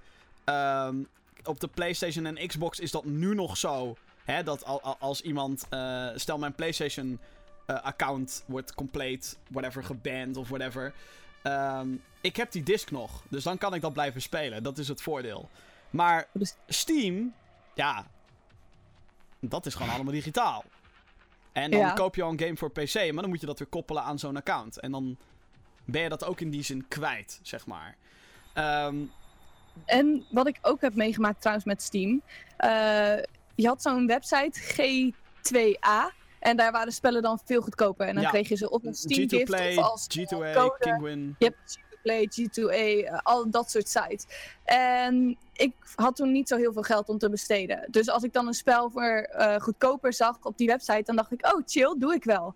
Ik heb tot vier keer toe gehad dat ik daar een spel dus eh aanschafte voor de helft van de prijs. In mijn Steam-account had toegevoegd. En dan maanden later opeens een berichtje kreeg van Steam van ja, we hebben je code verwijderd. Want het was een illegale code en die mocht je niet gebruiken. En dan werd heel dat spel weggehaald. Terwijl ik er bijvoorbeeld halverwege in zat. Dus dan moet je alsnog als je dat zou willen. Dus de volledige prijs betalen. Dus wat dat Ja. betreft zou ik ook mee willen geven dat als je al dingen digitaal koopt, doe het dan niet via die websites. Want Eh, nee, het, het probleem, eh, ik, ik snap de verleiding. Het is goedkoop. eh, eh, maar je moet je wel afvragen, hoe de fuck komt het dat keys op dat soort websites altijd goedkoper zijn? Het is de grijze markt van digitale sleutels. En het probleem daarmee is, en dat is eigenlijk ook het geval als je dingetjes op een kleedjesmarkt of op marktplaats koopt, je weet eigenlijk niet waar het vandaan komt. is ook zo. Ehm, maar het probleem is dus inderdaad dat als je een gestolen key hebt, zonder dat je je daar bewust van bent, dan heeft de ontwikkelaar of uitgever alle recht om die key inderdaad van je af te pakken. Iemand kan een Mhm. server inhacken of kan een keygen gebruiken om Steam keys te genereren. Ehm, het is. Ehm, het- ik, ik zie nou ook op dit moment, op het moment dat we de podcast aan het opnemen zijn, zie ik ook in de Twitch-chat zie ik het losgaan over. Oh, ik koop een digitale keys altijd daar. Kijk daar in godsnaam mee uit. Eh, weet ook trouwens dat de ontwikkelaars en de uitgevers daardoor minder geld binnenkrijgen. En Ja. ik weet dat heel veel mensen dan weer gaan zeggen: Oh, fuck EA en fuck Ubisoft en bla bla bla bla. Dat kan je wel zeggen, maar eh, als jij nog steeds je Call of Duty of je Precious Far Cry wilt hebben en je blijft, iedereen zou dat allemaal doen, dan is er geen geld voor een nieuwe Far Cry of een nieuwe Assassin's Creed. Oh. Ehm, de keys, eh, ik bedoel, het is niet zo dat alles wat daar gebeurt illegaal is. Hè, als je bijvoorbeeld een videokaart koopt, dan kan je daarbij een, een key krijgen voor een Ubisoft game of zo. Gebeurt heel vaak. En dan zou je misschien denken, ja kut, dit heb ik al. Of je hebt een prijsvraag gewonnen. Whatever. Volgens mij is het dan ook illegaal om die shit door te verkopen. Dat weet ik allemaal niet, maar ik ben geen advocaat. Maar weet wel, de grijze markt is heel vaak van de vrachtwagen gevallen. En Heel vaak wel, ja. Ehm, ja, het is gemakkelijk. Het is goedkoop. Maar god, wat ga je balen als het een keer van je shit verwijderd wordt. Ja, zeker als het eh, vier keer achter elkaar gebeurt. Dan doe je het niet meer, kan ik je vertellen. Dan wordt hier ook gezegd: het is nog altijd beter om via die sites te kopen dan te downloaden. Nee. Want de ontwikkelaar merkt er geen fuck van. Als, als een key gestolen is en jij koopt dat, wie heeft daar dan profijt van? De verkoper. Alleen de verkoper. De ontwikkelaar heeft daar geen flikker aan. En, Hm. weet je wel, en dat is waar de digitale revolutie, zoals het nu genoemd wordt. Ik bedoel, wat ontzettend vet is nu, vind ik. Je kan gewoon een, een game kopen, je kan het meteen spelen. Geen bullshit verder. Dat is het idee erachter. Het probleem is, ehm, ik ben zelf iemand die is opgegroeid met hoesjes en met doosjes en met dingetjes. Ik vind dat gewoon helemaal fantastisch. Dat is een van de redenen waarom ik denk dat het Ehm, ik bedoel, Game Mania is aan het uitsterven, dat merk je gewoon. De Game Mania is desperate, weet je wel. Wat de fuck moeten we nou? Er zijn twee sterke punten aan de fysieke markt. Eén is eh, verzameling. Verzamelingsdrang. Je hebt het altijd. Mhm. Dus eh, hè, de, de Horizon Zero Dawn zal ik altijd hebben, want ik heb hem hier. Tenzij die natuurlijk hier fysiek gejat wordt, dat is een ander verhaal. Maar die heb ik. Maar je hebt hem anders wel. Ja, als, als Sony ineens besluit om die game van de PlayStation Store af te flikkeren. Wat overigens wel eens gebeurt met games. Dat rechten verlopen. We hadden het er laatst nog over over Alan Wake. Die game gaat gewoon verdwijnen van digitale schappen. Ik heb hem zelf al op Steam, dus ik kan hem dan gewoon spelen. Maar die hoesjes en die discs zorgen ervoor dat je het altijd nog door kan, kan verkopen. Ehm, Mhm. Dus verzameling is tof. Het tweede is zichtbaarheid. Dat klinkt heel gek, maar er is een reden waarom games op de PlayStation Store net zo duur, dan nog niet duurder, zijn dan in de winkel. Dat heeft te maken met de kracht van die winkels. Want geloof het of niet, de retail heeft nog heel veel markt. Met name in Amerika. Daar hebben alle uitgevers en winkels hebben daar een deal. En dan eh, winkels moet je het denken aan Walmart en Target en van die fucking grote brands. In Nederland zou dat dan ook bol.com. Ja, bol.com, want die Ja, doen nog fysiek. Wel. Maar Game Mania, laten we even Game Mania zeggen voor het gemak. eh, hebben de deal van, yo, heel leuk dat jullie digitaal verkopen. Maar waag het is om dat goedkoper te maken. Mhm. Want wat, waar die winkels dan mee dreigen, Mediamarkt ook een goed voorbeeld. Die dreigen dan, oké, dan zetten wij geen fucking Playstation meer in de schappen. Sony. Nee. En dat is dus een, het is een soort politiek spelletje wat nu gaande is. Gaat dat op den duur verdwijnen? Het gaat wat minder worden. Ja. Dat wel. Maar, Maar echt verdwijnen, ja. de collector's editions, die zijn te gek. Absoluut. En ik denk ook dat uitgevers daar veel meer op moeten inzetten. Van hé, hey, je kan een digitale key kopen. Maar, en dan het enige wat je dan in de winkel moet stoppen, vind ik, is dan de Collector's Edition. De uitgebreide editie. Weet je wel? Little Nightmares, uh, alleen hoesje en game. Fuck dat. Pleur alleen die 6 Edition in de winkel. Dan spreek je exact de markt aan die je wil. Ja, dan is hij misschien wat duurder in de retail. Maar dan krijg je er wel wat voor terug. En dan zal niemand meer klagen over. Um, hè, oh, het verdwijnt. Oh, keys, whatever. Het is een beetje. Ja. Ik, ik vind het een moeilijke discussie. Want aan de ene kant zou je denken: hé, hey, het is allemaal chill. Uh, maar ja, ik mis wel mijn hoesjes. Ik mis wel de waarde van iets fysiek hebben. Mhm, maar ik moet, ik moet eerlijk zeggen, alleen maar Collector's Edition in de winkel lijkt me ook niet echt een heel slim idee. Ik bedoel, nee, dat is kijk bijvoorbeeld Horizon Zero Dawn. Die Collector's Edition is mokerduur. Ja. En natuurlijk, het spel zelf is ook duur, maar als je dat beeldje niet wilt, maar wel het spel, dan ja, zit je weer meteen met dat beeldje. Ja, klopt. Dus, ja, dat daar, daar, daar, daar heb je wel een punt, ja. ja. Maar weet overigens ook mensen, bereid je maar voor Um, de, het, gaat, het gaat om macht. Steam heeft alle macht nu. Ja. De reden ook waarom EA uh, van hè, niet meer zijn games uitbrengt op Steam, doet nu alles op Origin, omdat zij dan dat deel van die. Van, hè, want alles, alles waar jij games koopt, een deel daarvan gaat naar degene die het verkoopt. Het klinkt logisch, mm. de. Um, maar in sommige gevallen wordt dat nog verder gesplitst. Dus als jij bijvoorbeeld een game koopt voor de PlayStation 4 of de Xbox, 15 tot 20 procent daarvan gaat direct naar Sony of Microsoft. Ja, klopt. Dan moet er nog een deel naar onkosten. Productiekosten, nou, je kent het wel, bla bla bla bla. Retail. De verkoper moet er ook wat aan, aan, aan overhouden natuurlijk, anders kunnen ze niet bestaan. En dan heb je nog ontwikkelkosten, winst, et cetera, et cetera. Dus allemaal, allemaal marges zijn het. En digitaal kan je die dingen veel strakker beheren. Dus waarom doet EA dat nu allemaal? Omdat zij nu kunnen zeggen: hé, hey, wij zijn EA, wij brengen het uit. Dus letterlijk al het geld gaat naar mij toe. Geen mm rechten, shit. Nee, nee, Valve, fuck you. Ik doe alles zelf. Valve, die loopt fucking dik binnen. Dat is een van de rijkste bedrijven op dit moment. Want alles wat jij doet, koopt op Steam, Valve verdient er geld aan. Want het is op Steam. Een deel gaat naar Steam. Mhm. En uh, dat is ook een van de redenen waarom die digitale revolutie er nu is. Het is gemakkelijk, mensen kopen het, dus we willen het. Waarom denk je dat Microsoft die shit doet op Windows 10? Omdat ze dan kunnen zeggen: fuck Steam. Wij willen een deel van die PC-markt willen we hebben, want dat levert geld op. Dus koop die games maar op de Windows 10 Store. De verschrikkelijke Windows 10 Store. Dan hoef je ook niet gezeik met retailers. is moeite, moeite is tijd, tijd is geld. Het zit allemaal, allemaal is er natuurlijk in. En um, zet je schrap, want nu is het nog zo dat je voor consoles de keuze hebt om uh, uh, een disc te kopen of digitaal te gaan. Het zal voorlopig ook nog wel blijven. Ik denk niet dat de PlayStation 5 overgaat naar volledig digitaal. Nee, maar het gaat inderdaad wel komen. Maar de generatie daarop. Ja. Moet, het, gewoon, het, het wordt gewoon een apparaat die een internetverbinding nodig heeft. En waar je games vanaf een digitale winkel koopt. Dat is de toekomst. Dat gaat gebeuren. Ben ik erop tegen? Een beetje wel, want ik vind het toch leuk om een plank te hebben met allemaal games erin. Ja, en wat dacht je van al dat geheugen dat het gaat vragen? Dat ook. Ja, de harde schijven moeten een stuk omhoog. Dat uh, kan ook niet anders. Maar alhoewel, ja, Horizon Zero Dawn moet je nou ook volledig installeren op je PlayStation. Dus moet ook geen fuck. Ja, dat is waar. Dus. En, uh, en Sony heeft het al een keer eerder geprobeerd, hè? Mm Met klopt. de PSP Go heette dat ding. Dat was een PSP. De eerste normale PSP had van die UMD-discs. En met de PSP Go hadden ze de stap gezet. Fuck it, we gaan mhm. volledig digitaal. En... Ja, maar toen was men er denk ik gewoon nog niet klaar voor. Uh, hetzelfde geldt voor Xbox One.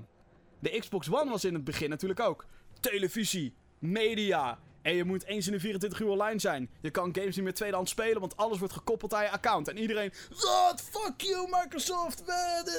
Het was ook te vroeg. Het was iets te in your face van, geef ons meer geld. Maar dat is wel waar we naartoe gaan. Dus ja, dus... Uh, ik zie hier trouwens nog een comment. Ik weet dat we niet vaak de Twitch-chat moeten betrekken bij de podcast. Want hey, we doen dit live op Twitch. ik zie nu een comment voorbij komen. Ik moet daar toch even over reageren. Nog even over het G2A-verhaal, G2A. Ik vind niet dat je GTA moet zien als iets slechts. G2A is een marketplace. Tuurlijk zijn er mensen die dingen shady verkopen. Vergelijk het met een marktplaats. Dan heb je ook mensen die dingen illegaal doen. Maar je hebt ook genoeg mensen die legit dingen doorverkopen. Omdat spellen soms goedkoper zijn in andere landen, et cetera. Zo zie ik het. GTA doet in principe niks fout. Um, en daarom heet het de grijze markt. Wat GTA wel doet, is geen actie ondernemen. Als er illegale shit zit. Dan laten ze mhm. gewoon toe. Nou joh, fuck it. Want ze weten dat die, die markt veel minder is. En er is natuurlijk een reden. Er is een reden, mensen, waarom uh, dingen in andere landen goedkoper zijn. Omdat ze daar gewoonweg minder geld hebben. Klopt, en, klopt. Um, dat, dat hele G2A, het is een. Sterker nog, de meeste van die websites hebben een extra fee, een extra kostenpost.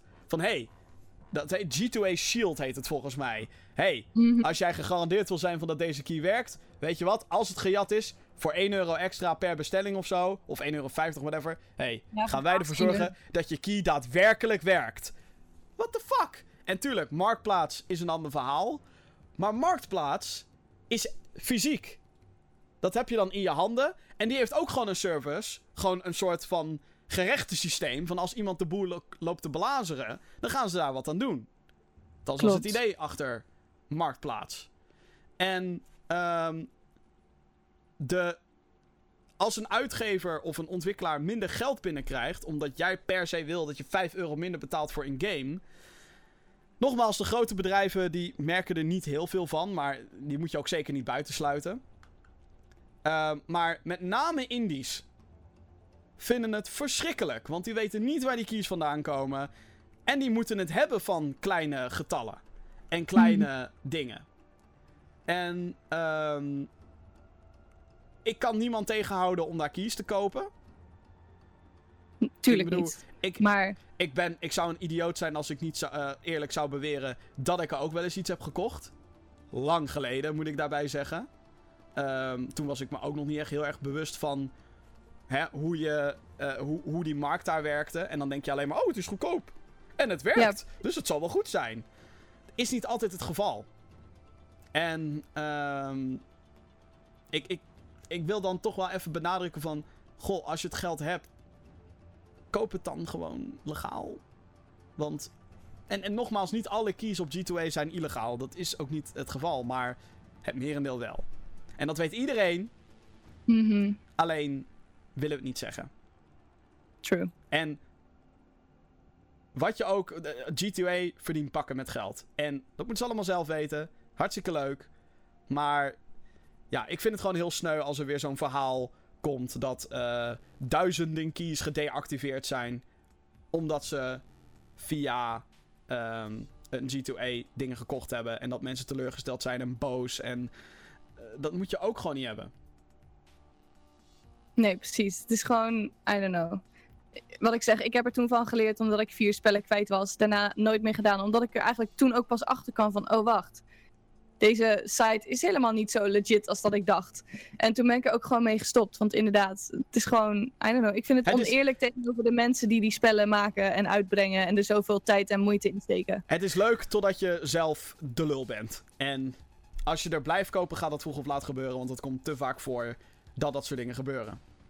Mhm. En um, wat daar ook gewoon heel erg uh, lullig aan is, is dat het is allemaal ook een grote vorm. En dat is toch het allerergste. Het allerergste wat G2A um, ehm, doet, is creditcardfraude. Dat iemand een creditcard jat, vervolgens met die creditcard al die keys koopt. Ja, degene waarvan de creditcard gejat is, krijgt zijn geld terug. Alleen de ontwikkelaar heeft zoiets van: Wat? Mijn geld is weg. What the fuck? dus dat is het vooral. En die keys komen allemaal op dat soort marktplaatsen terecht. Het is gewoon, mm. het, het is shady. En um, ook dat soort dingen horen nou eenmaal bij vernieuwing en verbetering. En um, als je er geen problemen mee hebt en je hebt zoiets van, oh, ik blijf daar lekker mijn keys kopen. Jongen, ik hou je niet tegen, maar uh, als je een keer de lul bent en een game wordt van je shit verwijderd, dan moet je niet komen janken. Want dan weet, Nope. je, dan weet je bij deze waar je hebt gehandeld. Het is de grijze markt. En het is een reden waarom het de grijze markt heet. Yes. Jeetje. We zijn lekker lang bezig, eh, Bob. Nou, inderdaad. En eh, wat ook wel extra leuk is. We gaan even naar een eh, ander onderdeeltje. De Hall of.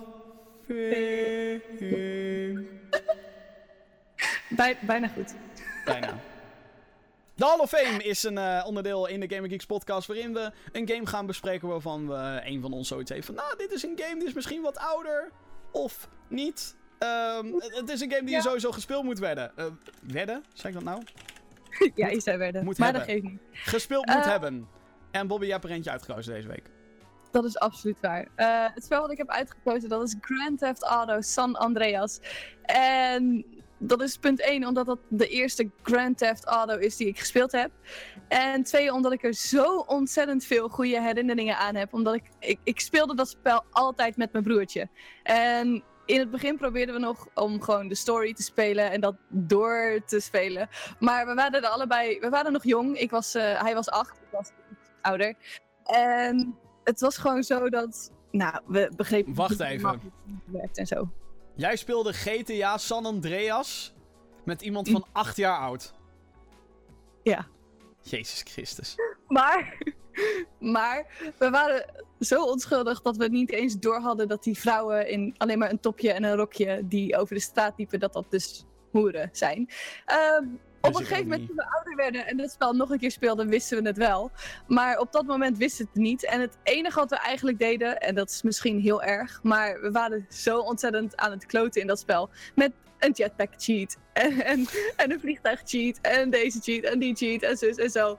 En het was gewoon grappig omdat we. Ik, ik maakte eigenlijk mijn eigen verhaal eromheen. Ik was gekke Henkie en ik zette een raar stemmetje op. En ik deed allerlei onnozele shit. En mijn broertje, mijn broertje die was toen nog acht jaar oud. En die ging helemaal stuk.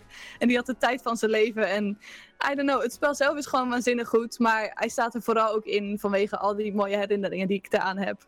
Het is, het is de GTA waarin alles kon, volgens mij. Dit is de een, de een van de weinige GTA-games die ik overigens nooit heb aangeraakt. Niet? Nee, erg hè. Drie heb ik best wel uitgebreid gespeeld. Vice City vond ik echt helemaal fantastisch. Die 80 stilo. En toen kwam Mhm. San Andreas en dacht ik zoiets van... Nou, weet je wat? Ik heb hem toevallig nu ook op de PlayStation 4. Want je kan hem dus halen op de PS Store in de, voor de PlayStation 4. Dus ik, ik heb hem net weer opgepakt. En ik zou zeggen, kom gewoon gezellig een keertje eh, ook spelen. Het is echt wel, het is echt super grappig om Maar is te dit, dit, is, dit is toch ook die GTA? Je speelt als CJ? Klopt dat? Ja, als CJ, En, klopt. ehm, CJ komt net. Er wordt hier gevraagd of ik de stem van gekke Henkie wil doen. Maar ik, ik weet gewoon niet meer wat het was. Het was in ieder geval heel debiel. Ja. ja, ja, hij is inmiddels ook op de telefoon verkrijgbaar, inderdaad. Maar, Ja, klopt. Maar eh, San Andreas, je speelt als CJ en CJ die komt net terug uit de gevangenis, gaat terug naar zijn hood. En het, is, eh, het speelt zich dus af eigenlijk in eh, Los Angeles, in, dat, in die wijk. En dat is dan San Andreas genoemd. En Los Santos, waar je bent en weet ik het wat. En wat ik gewoon heel tof vond, is dat in het begin, dan ben jij echt je hebt echt die verschillende hoods, zeg maar, die verschillende crews. Dus jij zit in een crew met allemaal groene kleding. En dan heb je de andere guys die zijn in het paars en die zijn dan slecht. En daar heb jij dan gang wars mee en weet ik het wat. En tussendoor moet je ook gewoon van die quests gaan doen. En een van de dingen die volgens mij wel onwijs bekend is, ook op het internet, dat is eh, wat Big Smoke eh, bestelt bij de, nou ja, het is een soort Kentucky Fried Chicken, maar dan een, een ja, parodie daarop in het de spel. De Los Palos Hermanos. Wat zei je? De Los Palos Hermanos. Ja, precies. Dat was een Breaking Bad referentie. gewoon, het is gewoon echt een prachtspel. En wat je zegt, je kan er gewoon zo ontzettend veel in. En natuurlijk, meestal eh, speel ik spellen niet met cheats, omdat het, het haalt de fun uit het spel. Maar in dit spel is het juist zo We geniaal. hebben het allemaal Om- gedaan. GTA 3, de tank cheat. Hoppakee, gaan. Ja. Precies. Maar dit was die, Oh. dit was die GTA eh, San Andreas dan. Die, waar je ook dik kon worden als je naar de McDonald's ging de hele tijd, toch? Klopt. Ik heb één keer, eh, in dat spel kan je ook een vriendin hebben. daar heb ik het niet lang mee volgehouden, omdat ik heel veel naar de pizzeria ging en de Taco Bell en de Kentucky Fried Chicken en weet ik het dat allemaal, totdat ik echt tonnetje rond was. En wij vonden dat, die, dat meisje in dat spel dus niet. En toen heeft ze het met me uitgemaakt, want ik was te dik. Story of my life, hero. Oh. Grapje, grapje, grapje. nou ja, ik, ik heb me altijd afgevraagd waarom deze GTA nou zo overhyped was. Ik, ik heb dat nooit echt. Uh... Ja, ook, ik heb het zelf niet gespeeld natuurlijk. Maar ik, had, ik, heb, ik krijg er altijd zo'n afkeer tegen als iets zo fucking overhyped wordt.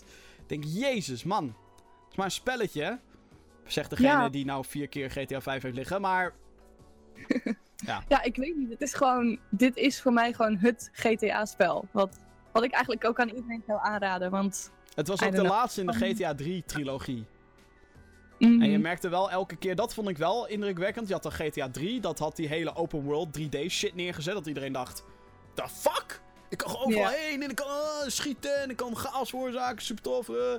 Toen kwam Vice City natuurlijk. Die bracht die hele shit naar de 80s. Dat was te gek. Dat was echt die uh, Scarface en El Capone-achtige tafereelen waren dat. Nou, El Capone is veel verder in, terug in de tijd. Houd maar even op Scarface. Scarface-achtige praktijken. En dan uh, heb je uh, San Andreas. En dat was dan weer heel modern of zo. Heel erg mhm. herkenbaar, denk ik ook, voor heel wat mensen. Uh, op een gegeven moment kom je dus ook in het gebied waar. Uh, ik ben zelf namelijk ook in Amerika in dat gebied geweest met de Santa Monica Pier. En, de, en al die. Uh, in Las Vegas, weet je wel, al die verschillende hotels die je hebt. En dat heb je hier in dit spel dan gewoon ook. Alleen is het dan allemaal net iets anders. En het is net wat kleiner, het zit wat dichter bij elkaar. Maar gewoon het feit dat je daar dan doorheen kan lopen. En dan sta je opeens op die, op die piramide, wat, wat dan het Luxor Theater, het Luxor Hotel moet voorstellen. Luxor Theater zo leuk gedaan. Zo, ja, ik heb daar gewoon een hele goede herinnering aan. Um, ja, ik, uh, ik, ik, het, lijkt mij, het lijkt mij wel een tof spel. Ik, ik kan me nog heel goed herinneren dat ik ooit een video heb gezien van de website Game Trailers. Inmiddels hm. dood, helaas. Um, en daar hadden ze een soort uh, een serie over, dat heette Pop Fiction. En dan gingen ze allemaal videogame mythes gingen ze daar ontkrachten hm. of juist oh shit, dit kan echt. Zo hebben, ze, zo hebben zij bijvoorbeeld op die manier ontdekt uh, uh, hoe je Masterhand kan spelen in Super Smash Bros. Melee. En zij oh, zijn ook achter Bigfoot aangegaan in GTA San Andreas. Ja? Want er is zo'n hele onduidelijkheid van... Zit hij nou wel in de game? Zit hij nou niet in de game? Dus zij zijn echt letterlijk urenlang hebben ze gezocht in de bossen... waar Bigfoot zogenaamd zou zitten in San Andreas. Nooit gevonden. Dat is wel echt super tof. Nou ja, dat hebben ze dan misschien niet gevonden. Maar wat ik, waar ik wel achter kwam. Uh, je kan dus in dat spel verschillende vriendinnetjes hebben. En ik zag toevallig dat het in de chat nu ook voorbij komt. Maar ik heb dat zelf ook ervaren. Je kan gewoon verschillende vriendinnen hebben. En als je dan met de een op date bent, dan kan de andere jaloers voorbij komen. Of die belt je op van, yo, ik heb je zo lang niet gezien. Waar ben je mee bezig? Wat ben je aan het doen? En dat, dat vind ik ook gewoon zo mooi. Er zit zoveel details zit er ook gewoon in.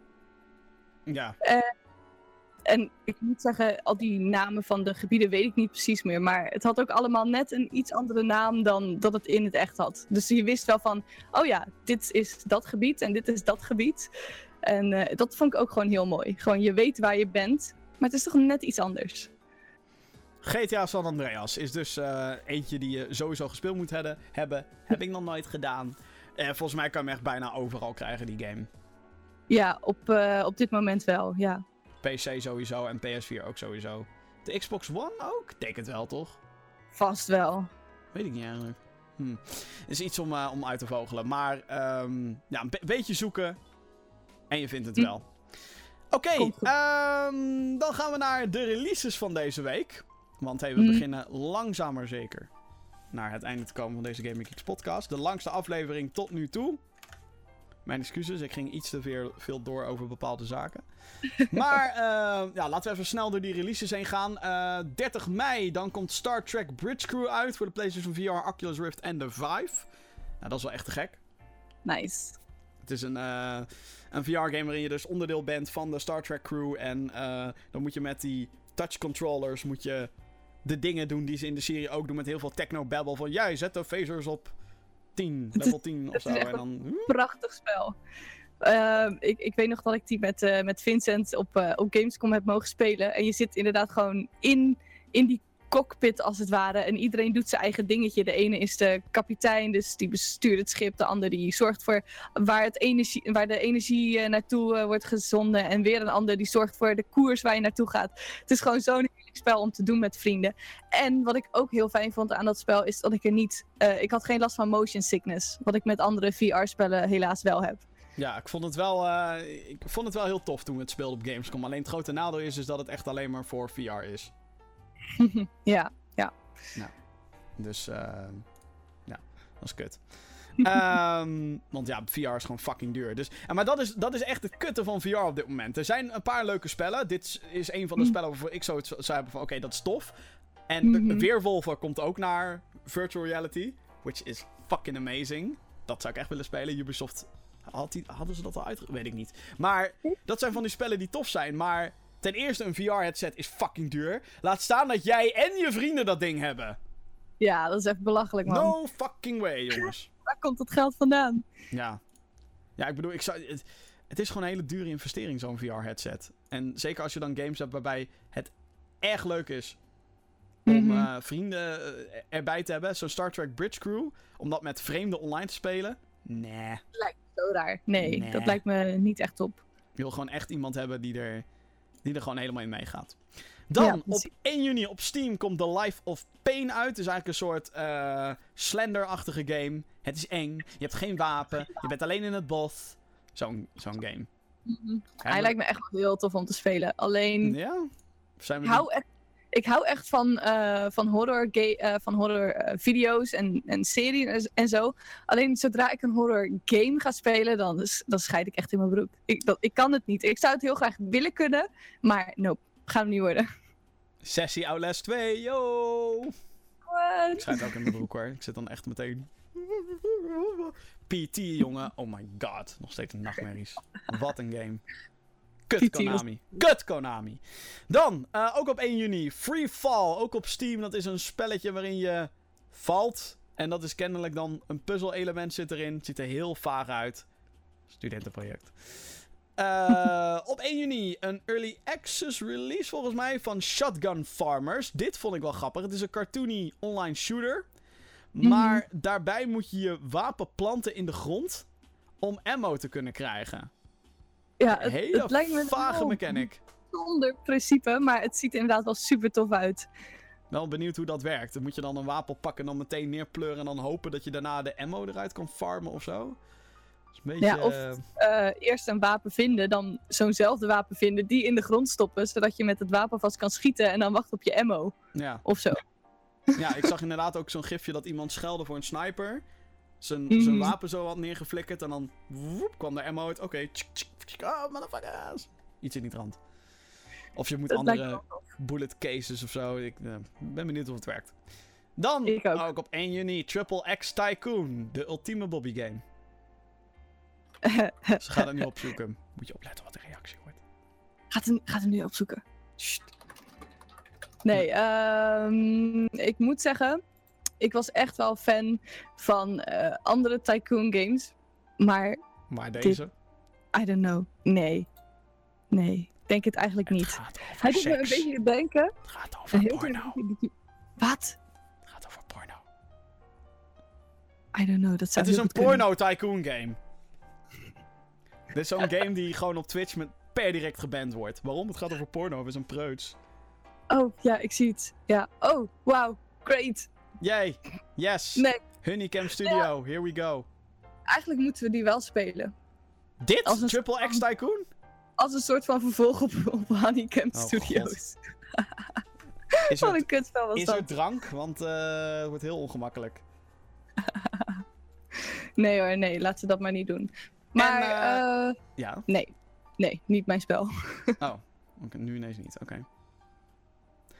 Dan, op 2 juni. Voor de PlayStation 4 en de PC. Fucking awesome. Tekken 7. Eindelijk!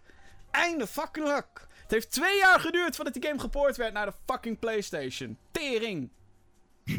Waarom heeft dat zo lang geduurd? Bandai Namco. What the fuck? Tekken is echt te gek. Vechtgame. 1 tegen 1. Heb ik echt zo. Als ik één franchise fucking veel heb gespeeld, is het wel Tekken. En deel 7 ziet er mooi uit, ziet er beter. En heeft Akuma uit Street Fighter, wat best wel cool is. Dat is wel tof. Nee, ik uh, speelde vroeger meer Street Fighter. Bij mijn uh, buren was dat. Want ik had zelf toen nog niet echt die consoles en die games. Ik speelde meer Street Fighter eigenlijk dan Tekken. Ik weet niet waarom.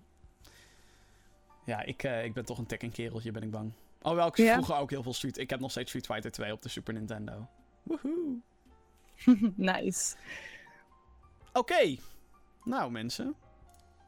We zijn aan het einde gekomen van de Gamer Geeks podcast. Maar niet voordat we vertellen wat wij uh, deze week allemaal voor je in petto hebben. Als het gaat om Gamer Geeks. Want, uh, nou, mocht je niet weten waar we nou eigenlijk van zijn. We zijn eigenlijk van de website www.gamergeeks.nl. Waarin we zoveel mogelijk toffe video's maken over games. Dus, um, nou, met al dat waar je ons moet volgen en zo, dat, dat kom ik zo meteen wel op terug. Wat hebben we deze week allemaal in de planning staan? Heel veel, Bobby! Ja, we uh, hebben in de planning staan onze Little Nightmares review. Die hebben Jim en ik samen gespeeld, opgenomen en nu ook in de edit helemaal klaarstaan voor jullie om te gaan bekijken. Uh, vervolgens is er ook nog een review van Rise and Shine van Jim. Uh, de eerste uur van Johan. We hebben een ukulele review van Johan en de Game Geeks Next natuurlijk. Ja, want op 1 juni is er weer een nieuwe maand en dat betekent ook een, een, een, een, een, nieuwe releaselijst, dat wil ik zeggen. Yes. Uh, ben je nog met andere dingen bezig waarvan je denkt, nou, dat moeten mensen echt in de gaten houden? Iets met een Earthlock kutspel review? Ja, ja, nou, er is inderdaad een uh, Earthlock review. Uh, gaat er toch aankomen. En wat ik zeg, ik heb echt geprobeerd om verder te spelen, maar het wordt waarschijnlijk een Rage Squid review. Impact Winter. moeten, we, moeten echt, we moeten echt een nieuwe, nieuwe categorie maken. Een Rage Squid review. Gewoon de Rage Squid review. Het is een idee dat Vincent daar ook nog eentje van heeft liggen. Ja, precies. En um, even denken hoor, Impact Winter wil ik heel graag gaan spelen. Dat lijkt me echt een heel tof spel. Dat is een, een uh, spel, uh, gewoon een apocalypse spel, maar dan in plaats van dat je in de desert bent, zoals in de meeste spellen, zit je dit keer in een soort wintergebied. Ja. ja is, en dat uh, lijkt me echt wel heel Wel hele rare timing vind ik het hoor. De zon gaat steeds meer schijnen. Wat gaan we uitbrengen? Impact ja, Winter. Impact Winter. Wat? Maar dat maakt niet uit. Volgens mij was die game ook uitgesteld hoor. Volgens mij was het, was het eerst ook de bedoeling dat het ja, hij zou eigenlijk, volgens mij twee dagen terug of zo, zou hij uitgekomen moeten zijn. Maar ja. nee, nog niet. Goed, uh, dan zijn we aan het einde gekomen van de Gamer Geeks podcast. De vierde aflevering. Bobby, bedankt dat je erbij was. Ja, was erg gezellig. Leuk om hier uh, te mogen zijn. Volgende week wordt een hele spannende, want dat wordt de grote E3 voorspellingsshow. Dus dan uh, hopelijk levert iedereen dan een lijstje in en zit ik met iemand die ook allemaal. Misschien ben jij dat wel, Bobby, we weten het nog niet. Ja, we weten niet. Die, die weet ik hoeveel gokjes gaat wagen. Want dit gaat gebeuren, dat gaat gebeuren op de E3. Helemaal tof. Um, en ja, verder, volg ons dus op www.gaminggeeks.nl. Daar posten we dagelijks video's over gaming. Dat zijn reviews, dat zijn soms een let's play, soms het nieuws, soms allerlei dingen. Uh, gewoon even checken en vooral abonneren op youtube.com slash gamergeeksnl. En dat zou ik nog even extra willen benadrukken. Abonneer op ons YouTube kanaal. Want ik heb, wij hebben je support nodig. We need you guys. Nee hoor, dat klinkt echt heel desperate. Maar het zou wel heel fijn zijn als jullie het zouden doen. Verder nog de Twitter, GamerGeeksNL. Daar kan je zien uh, wanneer er iets live gaat en wanneer deze podcast ook live gaat. Want uh, ja, deze podcast is te beluisteren via Soundcloud en allerlei podcast dingen. Het is te bekijken op YouTube. En uh, we zenden dit elke week live uit. Goed mensen, bedankt voor het kijken of luisteren naar de Gamer Geeks podcast. Tot de volgende keer. Doei doei!